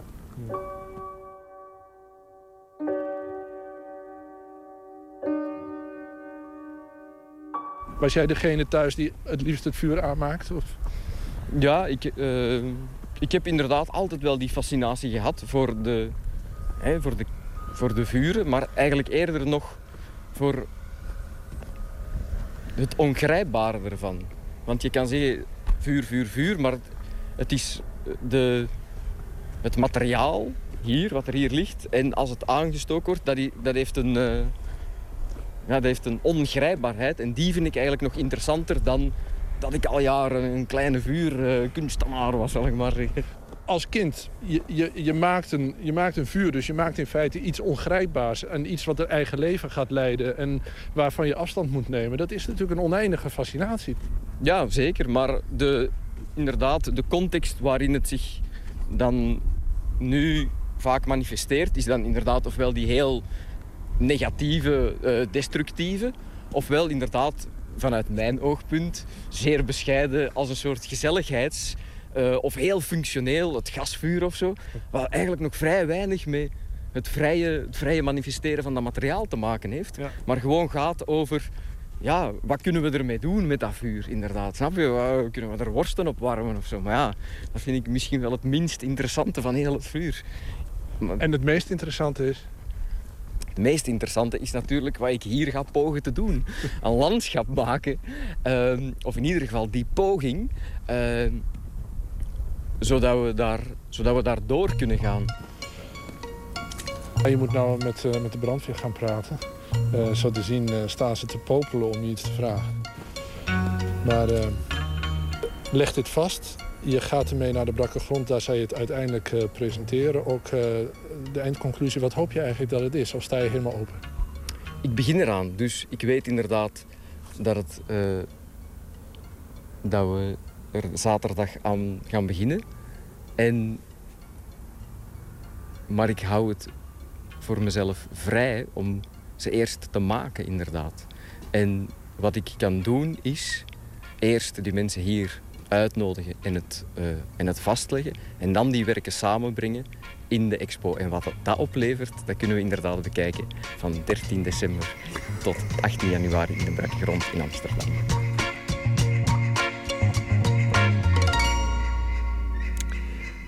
U hoorde verslaggever Matthijs Deen bij de voorbereidingen van het project van beeldend kunstenaar Pieter van den Bos. Zaterdag is te zien eh, hoe dat eruit op het theaterfestival Cultura Nova in Brunsum. Dit is eh VPRO's Nooit meer slapen. Het is bijna vier minuten voor half twee. En hier is de Deense zangeres Tina Diko... die tegenwoordig in Reykjavik, IJsland, woont. Van haar nieuwste album Whispers. Someone You Love.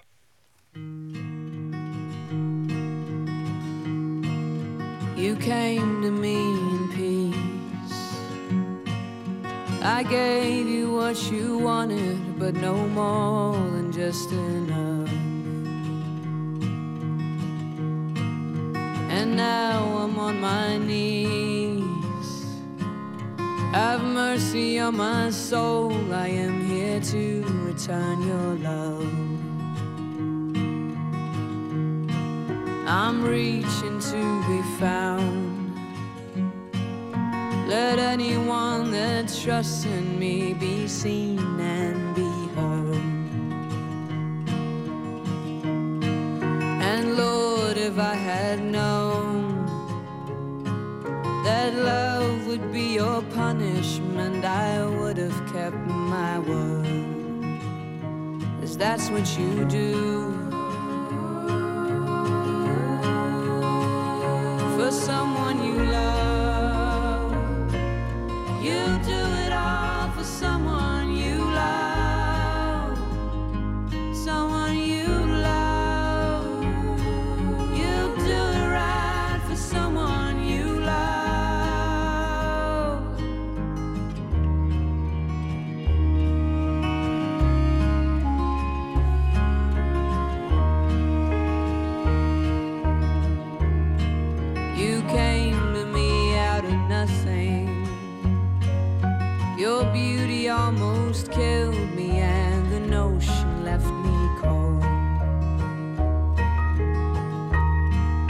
I saw only your reflection. As always in this life, I never saw the image whole. And now the little I can give is all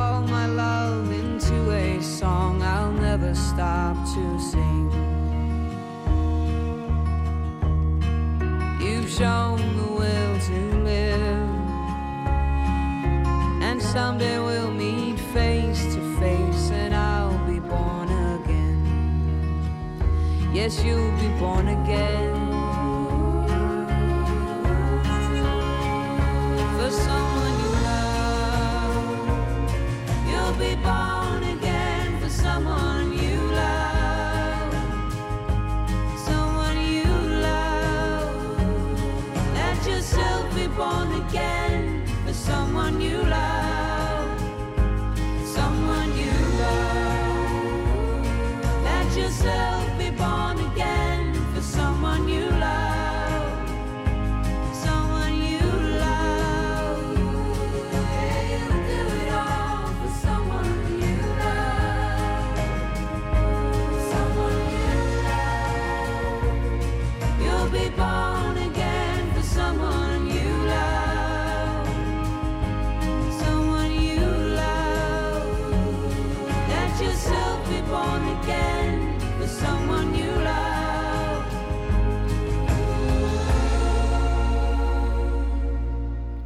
Samuel You Love van Tina Dico, afkomstig van de CD Whispers.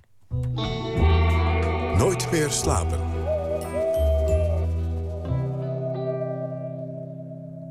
En dan nu onze nachtcorrespondent. Eerder vandaag aan het eind van de middag is in de Amsterdamse stad Schouwburg het Nederlands Theaterfestival geopend. Jaarlijks festival waarin de hoogtepunten van het afgelopen seizoen voorbij komen en vele prijzen worden uitgereikt. Verslaggever Botte Jellema was er voor ons bij. Goedenacht, Botte. Goedenacht, Anton. Hoe Ja, was het? eh, Hoe was het? Nou ja, het, eh, het was wel leuk. Ehm, het is toch altijd een, eh, een eh, beetje een, een chic festival... met van die gouden laurieren, omklede logo's, dat soort dingen. Dus veel chic. Er zaten veel luxe mensen in de zaal, zoals ik dan maar zeg. Ehm, eh, ik zag Johan Simons, regisseur, veel acteurs natuurlijk. Het begon allemaal met een optreden van acteur Maarten Heijmans... in zijn rol als Ramses Shaffi. Hij zong een medley van liedjes van Ramses. Heijmans is die jongen die in die televisieserie van Avro van begin dit jaar eh, Ramses speelde. Nou, in de muziek was in mijn ogen een beetje verwijzing naar een eh, handreiking van het eh, gesubsidieerde toneel van het Nederlands Theaterfestival. Wat dat to- toch de, de boventoon voert naar de musicals, als je het mij vraagt. Nou, er waren speeches en uitreiking van de eerste prijs alvast. Die voor de nieuwe theatermakers. die ging naar de groep de Schwalbe. En een van de belangrijkste speeches bij de opening van het festival is altijd de zogenaamde staat van het theater. Dat is een beetje een traditionele speech van het festival. Een prominente gast die geeft dan eh, zijn of haar visie op het theaterklimaat in Nederland. En dat waren eerder bijvoorbeeld al eh, minister Jet Bussemaker. Eh, Joop van Ende heeft het een keer gedaan... en de artistiek leider van Toneelgroep Amsterdam, Ivo van Hoven... heeft het ook een keer uitgesproken. Dit jaar was het voor eerst een buitenlander... namelijk de Duitse auteur, dramaturg en intendant... van de Berliner Festspiele, eh, Thomas Oberender. En wat vertelde die over de staat van het Nederlands theater? Nou ja, het is eh, eerlijk gezegd een beetje gênant, eh, maar het was niet zo goed te volgen. Ehm, Jeffrey Mullemans, de directeur van het festival, die eh, zei op het podium dat ze Oberender verzocht hadden om zijn speech in het Engels te doen. Maar het Engels van deze Duitser was een beetje matig, dus dat hadden ze misschien beter niet kunnen doen. En dat is vooral een beetje zonde, omdat je toch nieuwsgierig bent naar de visie van eh, zo'n man. Er werken veel Nederlandse regisseurs en acteurs in Duitsland. Dus hoe kijken zij naar ons theater? Nou, ik heb het Jeffrey Meulemans zelf gevraagd. Na afloop eh, vroeg ik hem dus naar de inhoud van de staat van het theater. Enerzijds schetst hij de geschiedenis van het Nederlandse theater... en de invloed die het heeft gehad op Duitsland. Het kwam eh, een beetje neer op het ehm, locatietheater, het theater buiten eh, de, de grot, zoals hij het noemde. Ja, buiten de gevestigde paden ook, buiten, buiten de beperkingen van de theaterzaal. Wat natuurlijk Johan Simons naar Duitsland heeft gebracht met Hollandia en dat soort dingen. Dus hij, eh, hij heeft het over een openheid en, en hij wijt dat ook aan de instelling die Nederlanders hebben. Vlakland, eh, zeevaarders, noem maar op. Hij zegt dat, dat is, zit heel erg in jullie mentaliteit om dat open te gooien. Hij zegt daarom begrijp ik dus ook niet dat Mark Rutte zegt... Jullie staan met de rug naar het publiek. Hij zegt, want het is juist zo kenmerkend voor, voor het Nederlands theater... dat het een enorme openheid he- eh, heeft. En dat heeft juist het Duitse theater ook geopend. En hij zegt, ja, ik wil die eh, Nederlandse eh, politici gewoon hartelijk bedanken... voor wat zij eh, teweeg hebben gebracht. Juist. Jeffrey Meulemans dus, die vertelt wat, wat die Thomas Oberender daar zei. En wat hebben dan die Nederlandse politici eh, precies teweeggebracht? Nou ja, dat slaat op het eh, subsidiebeleid zoals dat pakweg zo'n beetje vanaf Actie Tomaat in 69 tot en met drie jaar geleden, tweede- eh, 2011, eh, is gevoerd. En daarmee kreeg Nederland eigenlijk heel vernieuwend theater. Bijvoorbeeld het locatietheater zoals Johan Simons dat maakte. Daar had Jeffrey het ook over. En daarmee zijn wij een beetje een voorbeeld geworden voor Europese theatermakers. En Jeffrey zei dat dit een academisch heel goed onderbouwd verhaal was in zijn ogen. Ik vroeg hem hoe hij zelf naar het Nederlandse theaterklimaat kijkt... in deze roerige tijden vol veranderingen voor theater. Deze veranderingen moet je zien als een grote eh, olietanker. Die keert heel langzaam. En, en, en er gaat van alles gebeuren, voorspel ik je. Alleen, dat, dat, dat heeft gewoon zijn tijd nodig. We moeten ook dat ook niet te snel willen. Dus eh, eh, ik denk dat de veranderingen uiteindelijk, als we erop terugkijken later, over 20 jaar... Dat, dat je zegt, dat is echt een revolutionaire verandering geweest. En dat zal soms ten goede zijn en, en, en ook vaak helemaal niet. Oké, nou, er werd dus heel veel in de toekomst gekeken. Eh, kortom, je moet over twintig jaar nog maar eens terugkomen om weer met hem af te spreken. Maar dit festival draait om de theaterprogramma's van het afgelopen seizoen. Ehm, Het speelt de komende tien dagen. Die voorstellingen worden dan opnieuw weer eh, opgevoerd. Toch? Wa- wat houdt het verder in? Nee, dus inderdaad heel veel theater. Eh, ook veel nieuwe theatervoorstellingen trouwens. Die zitten dan vooral in het randprogramma. Dat heet Fringe. Eh, voor het festival zelf. In de prijzen zijn dus twaalf voorstellingen door een jury geselecteerd. En dat zijn allemaal inderdaad voorstellingen uit het vorige seizoen. En die worden één of twee keer hernomen dan. En de bekendste voorstellingen daarvan zijn ehm eh, Fellini van het Noord-Nederlands Toneel uit Groningen. Eh, de Ideale Man van het Nationaal Toneel uit Den Haag. En Anne, de, de Anne Frank voorstelling in eh, Amsterdam. Nou, de juryvoorzitter van dit jaar is Boris van der Ham, oud Tweede Kamerlid en ook acteur. En hij vertelde dat hij tijdens zijn studie aan de toneelacademie en tijdens zijn Kamerlidmaatschap eigenlijk heel erg weinig toneel zag. Dat is nu veranderd. Afgelopen jaar moest hij heel veel zien en dat vond hij heel erg leuk. Ja, dat is heel erg bevallen, want eh, er worden heel veel mooie dingen gemaakt. En eh, heel divers ook, van kleine zaal waar het heel, heel erg bruist... waar hele nieuwe mooie dingen gebeuren, tot aan de grote zaal... waar ja, van, van heel ontroerend tot heel klassiek, tot aan heel innovatief ehm, theater wordt gemaakt. Dus ik heb, dat, ik heb echt weer die verslaving weer een beetje opgepakt. Kan ik me voorstellen dat je eh, eh, in zo'n jury de taken een beetje verdeelt? Wat heb jij op je genomen? Nee, we, dat is eigenlijk niet zo. We, we hebben eigenlijk, we zien, proberen we allemaal zoveel mogelijk te zien. En wat ik heb wel geprobeerd is dat ik wel nadruk heb gelegd om ook naar de vrije producenten te kijken. Hè? Dus de producenten die niet in de gesubsidieerde sector zitten. Anne is ook onder andere ook geselecteerd. Ehm, omdat we zien van dat daar ongelooflijk veel gebeurt. Heel veel innovatieve kracht is. Sterker nog, je hield een pleidooi om de vrije producenten en ook de musicalproducenten dichter naar dit festival toe te trekken. Ja, maar ook omgekeerd hoor. Ehm, want ehm, je ziet dat eigenlijk eh, in de praktijk zie je dat heel veel publiek heen en weer gaat. Hè. Dat, dat, dat, dat gaat van cabaret naar mime naar musical, muziektheatervoorstelling. Maar je ziet dat die werelden toch nog een beetje gescheiden zijn. Bijvoorbeeld, ik nam het voorbeeld van het Rood Theater... wat een, tijdje geleden een prachtige voorstelling heeft gemaakt. Woofside Story, muziektheatervoorstelling.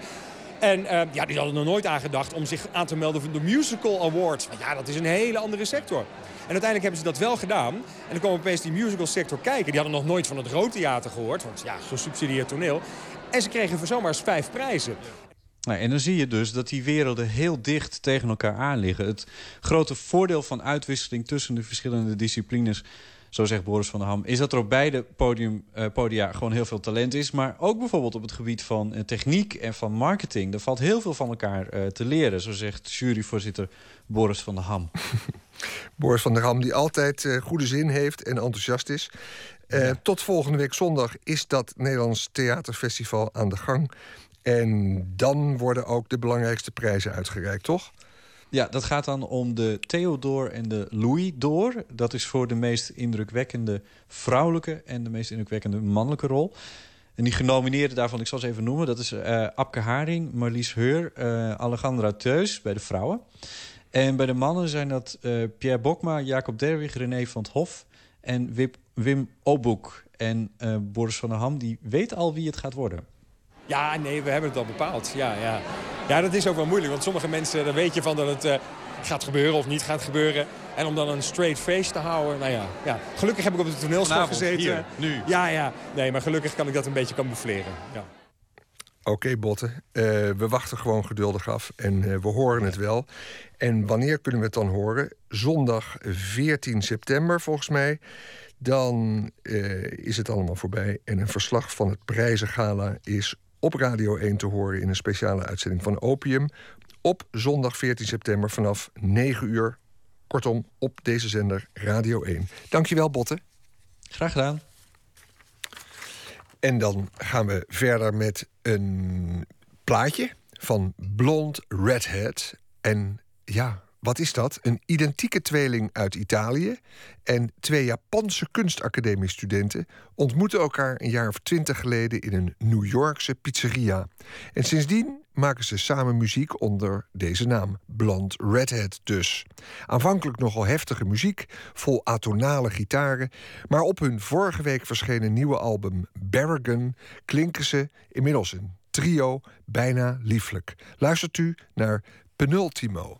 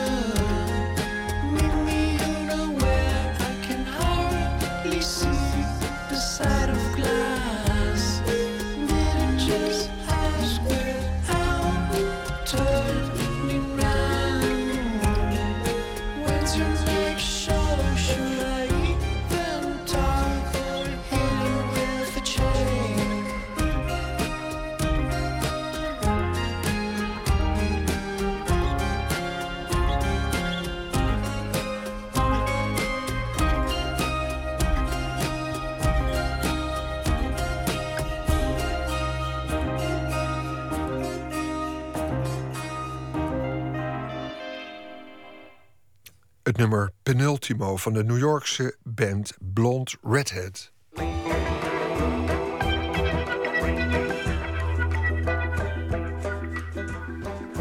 Marlene Dumas werd geboren in 1953 in Kaapstad, Zuid-Afrika... en kwam in de jaren 70 naar Nederland om te studeren aan Ateliers 63 in Haarlem.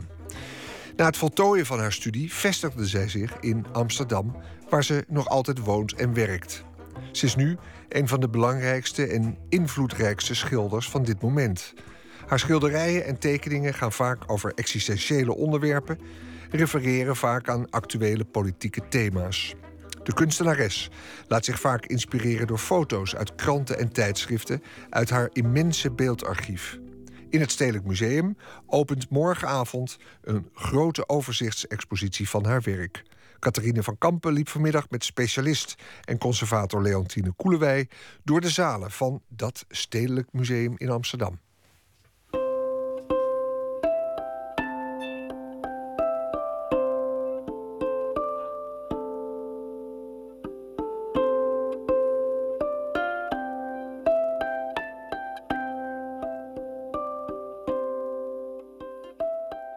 Wanneer zag u haar werk voor het eerst? Ik kan het me bijna al niet meer herinneren. En dat komt omdat ik zelf ben opgegroeid in Amsterdam. En toen ik nog een student was, toen zag ik haar eerste exposities. Bijvoorbeeld The Eyes of the Night Creatures. Dat was een serie met geweldige portretten in close-up. In allemaal heel veel verschillende kleuren gebruikt. Ook verschillende schilderstijlen. En die zag ik in een, eh, in een galerie. Dus ik, ik denk dat ik toen zelf 20 was of zo, of 21 toen ik het werk eh, voor het eerst zag.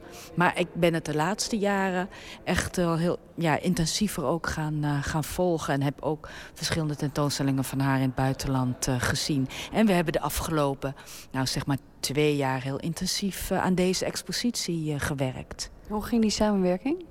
Ja, ik vond het heel bijzonder om met Marleen Dumas samen te werken. Heel inspirerend ook, want ze vertelt heel veel over de achtergrond van haar werk. Ik vond het ook heel bijzonder dat zij mij nieuwe werken liet zien die ik nog niet kende. Of eigenlijk oude werken die heel lang niet getoond waren. Dat die weer tevoorschijn werden gehaald. Daar ze van alles over vertelde. Er is hier uh, op deze tentoonstelling uh, één werk. Dat heet uh, Love versus Death. Het werk is uit 1980. Het is een werk op papier. En zij had het jarenlang uh, opgeborgen in een doos. Het was opgerold. Het bestaat uit, eigenlijk uit zes delen. In het midden zijn vier grote, brede stroken papier. En daarop zien we tekeningetjes. En die tekeningen die heeft ze eigenlijk gereproduceerd met een wat ouderwetse techniek van het uh, ja, blauwdruktechniek. Dat is een techniek die vooral architecten vaak toepasten. En we zien er allerlei scènes die ze heeft ontleend aan foto's uit kranten en tijdschriften. Oppositieleider neemt afscheid, zie ik bijvoorbeeld staan. Er zitten ook teksten tussen geschreven. Ja, waar het werk eigenlijk om gaat, of de motieven die je heel vaak terug ziet uh, komen in dit werk, zijn die van love and death, liefde en dood. Je ziet soms scènes uh, van begrafenissen, maar ook geliefden met elkaar. Soms zijn er ook mensen die we herkennen. Bijvoorbeeld uh, de partijleider Mao op zijn uh, doodsbed. En ergens anders zien we Elvis Presley. En aan beide zijden zie je... Hangt weer een strook papier? Zijn stroken, zijn precies. Aan weerszijden zie je stroken. En daar zijn ook fotootjes opgeplakt. Of eigenlijk met naaldjes en nietjes vastgezet. Het is echt op een hele geïmproviseerde manier uh, gedaan. Maar wat ik hier bijzonder aan uh, vind, aan dit werk... is dat, dat je allerlei motieven ziet... die in haar latere werk, in haar schilderijen ook weer terugkomen. Op die, een van die strips zie je allemaal dode, gedode terroristen... die open ogen hebben. Ze liggen daar dood met opengesperde ogen. Dat is eigenlijk best een beetje raar, want heel vaak liggen mensen netjes met ogen dicht als ze dood zijn. Uit de kranten ook weer, denk ik, ja. uh, geknipt. Van welke periode is dit? Nou, het werk is uit 1980.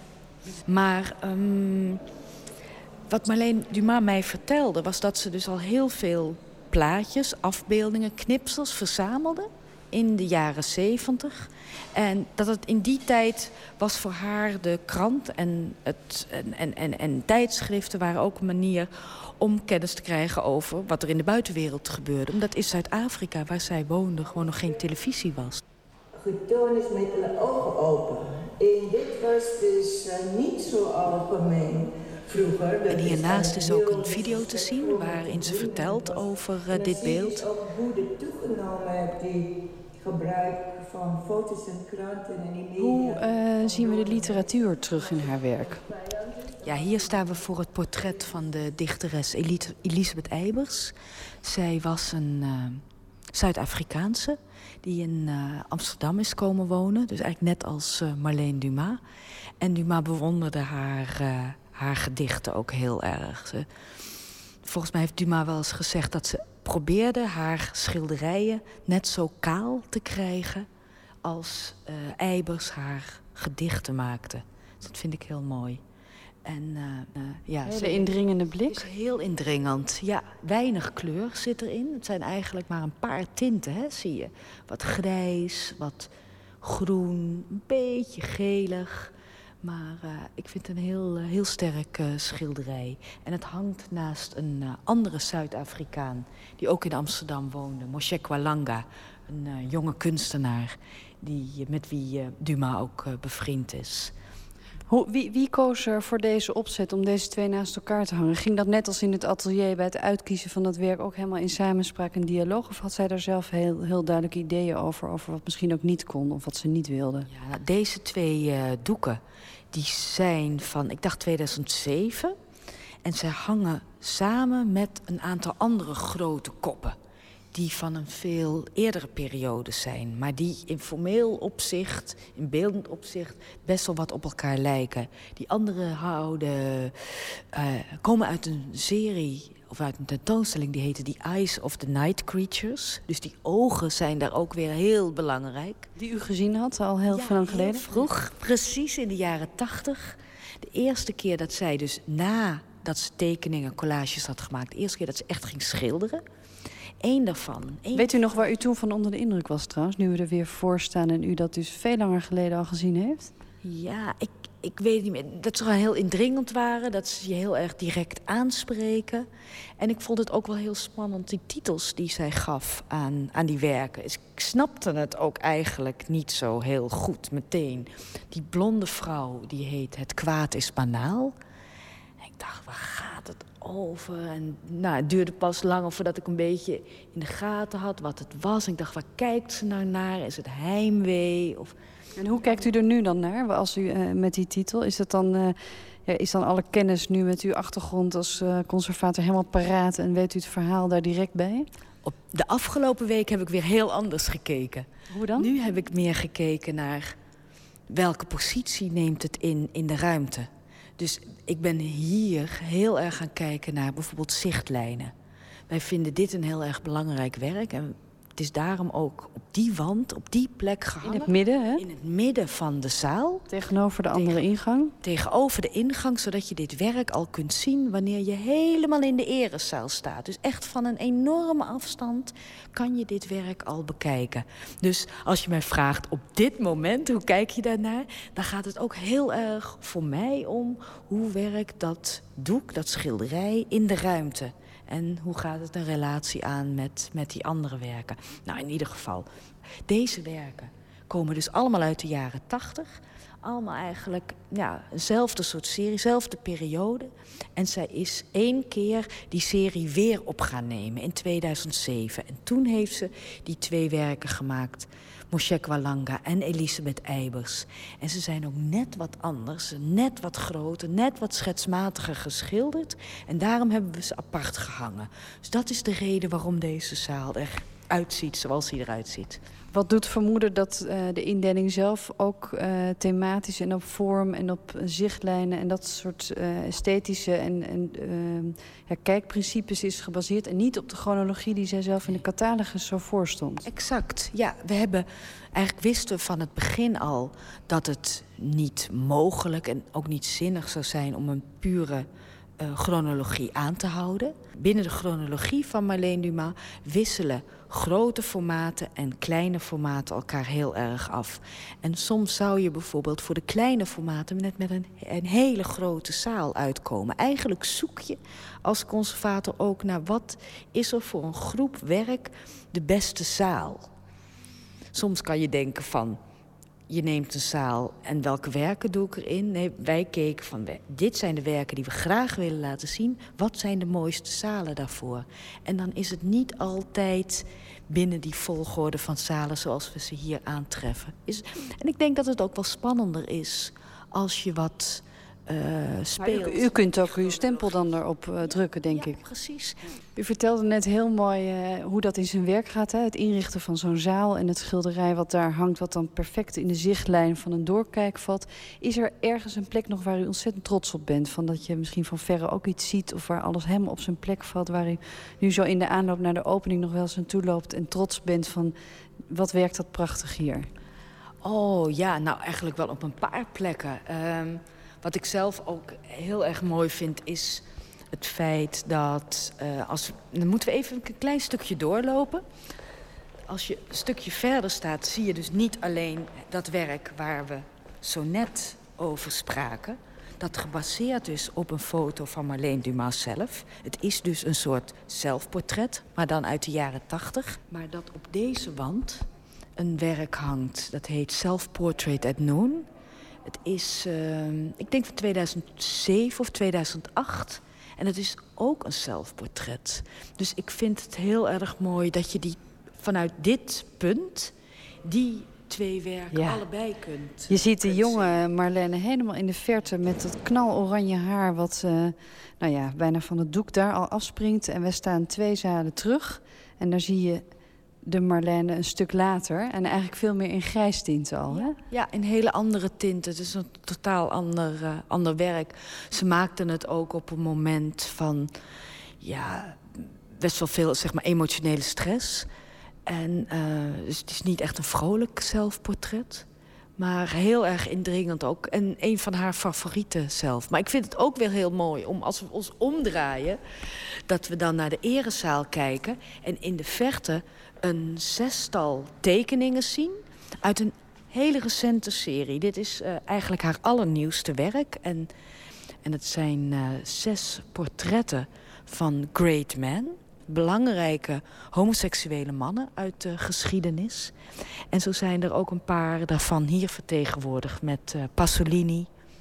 Prachtig portret van Oscar Wilde. Jean Genet zit erbij. eh Nureyev. Dus eh, ja, En heel bijzonder, want ze hangen op de achterwand van de, van de grote mooie zaal. En het zijn kleine portretten, terwijl we links eh, een hele grote serie zien. Ja, dat zijn de models. De models De natuurlijk. models zijn er meer dan honderd prachtige koppen van, eh, van vrouwen. Ja. En daardoor vallen de great men daarachter zo op, omdat het er maar een paar zijn. Het zijn er zes en de muur is verder helemaal wit. Ja, ja zeker. Catharine van Kampen was dat in gesprek met conservator Leontine Koelewij. Morgenavond dan in het Stedelijk Museum in Amsterdam opent die grote overzichtsexpositie. eh, die Image as Burden met het werk van Marlene Dumas. Sam Smith, Brits singer-songwriter, geboren in 1992, opgegroeid in Londen, horen we nu met Stay With Me.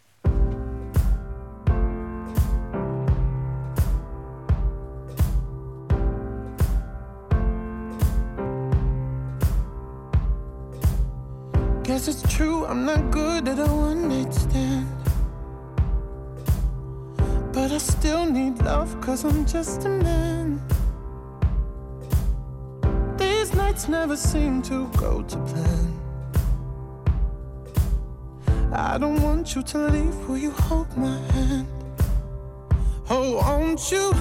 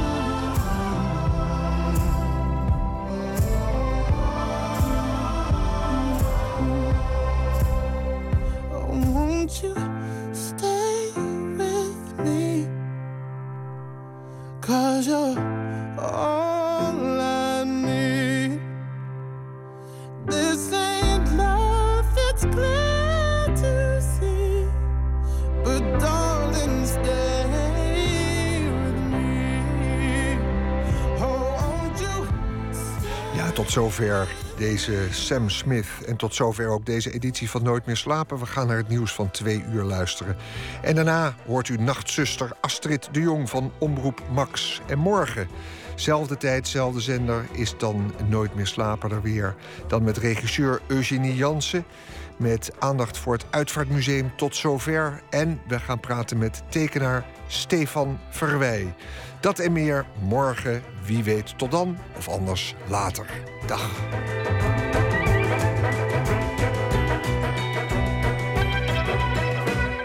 Op Radio 1, het nieuws van alle kanten.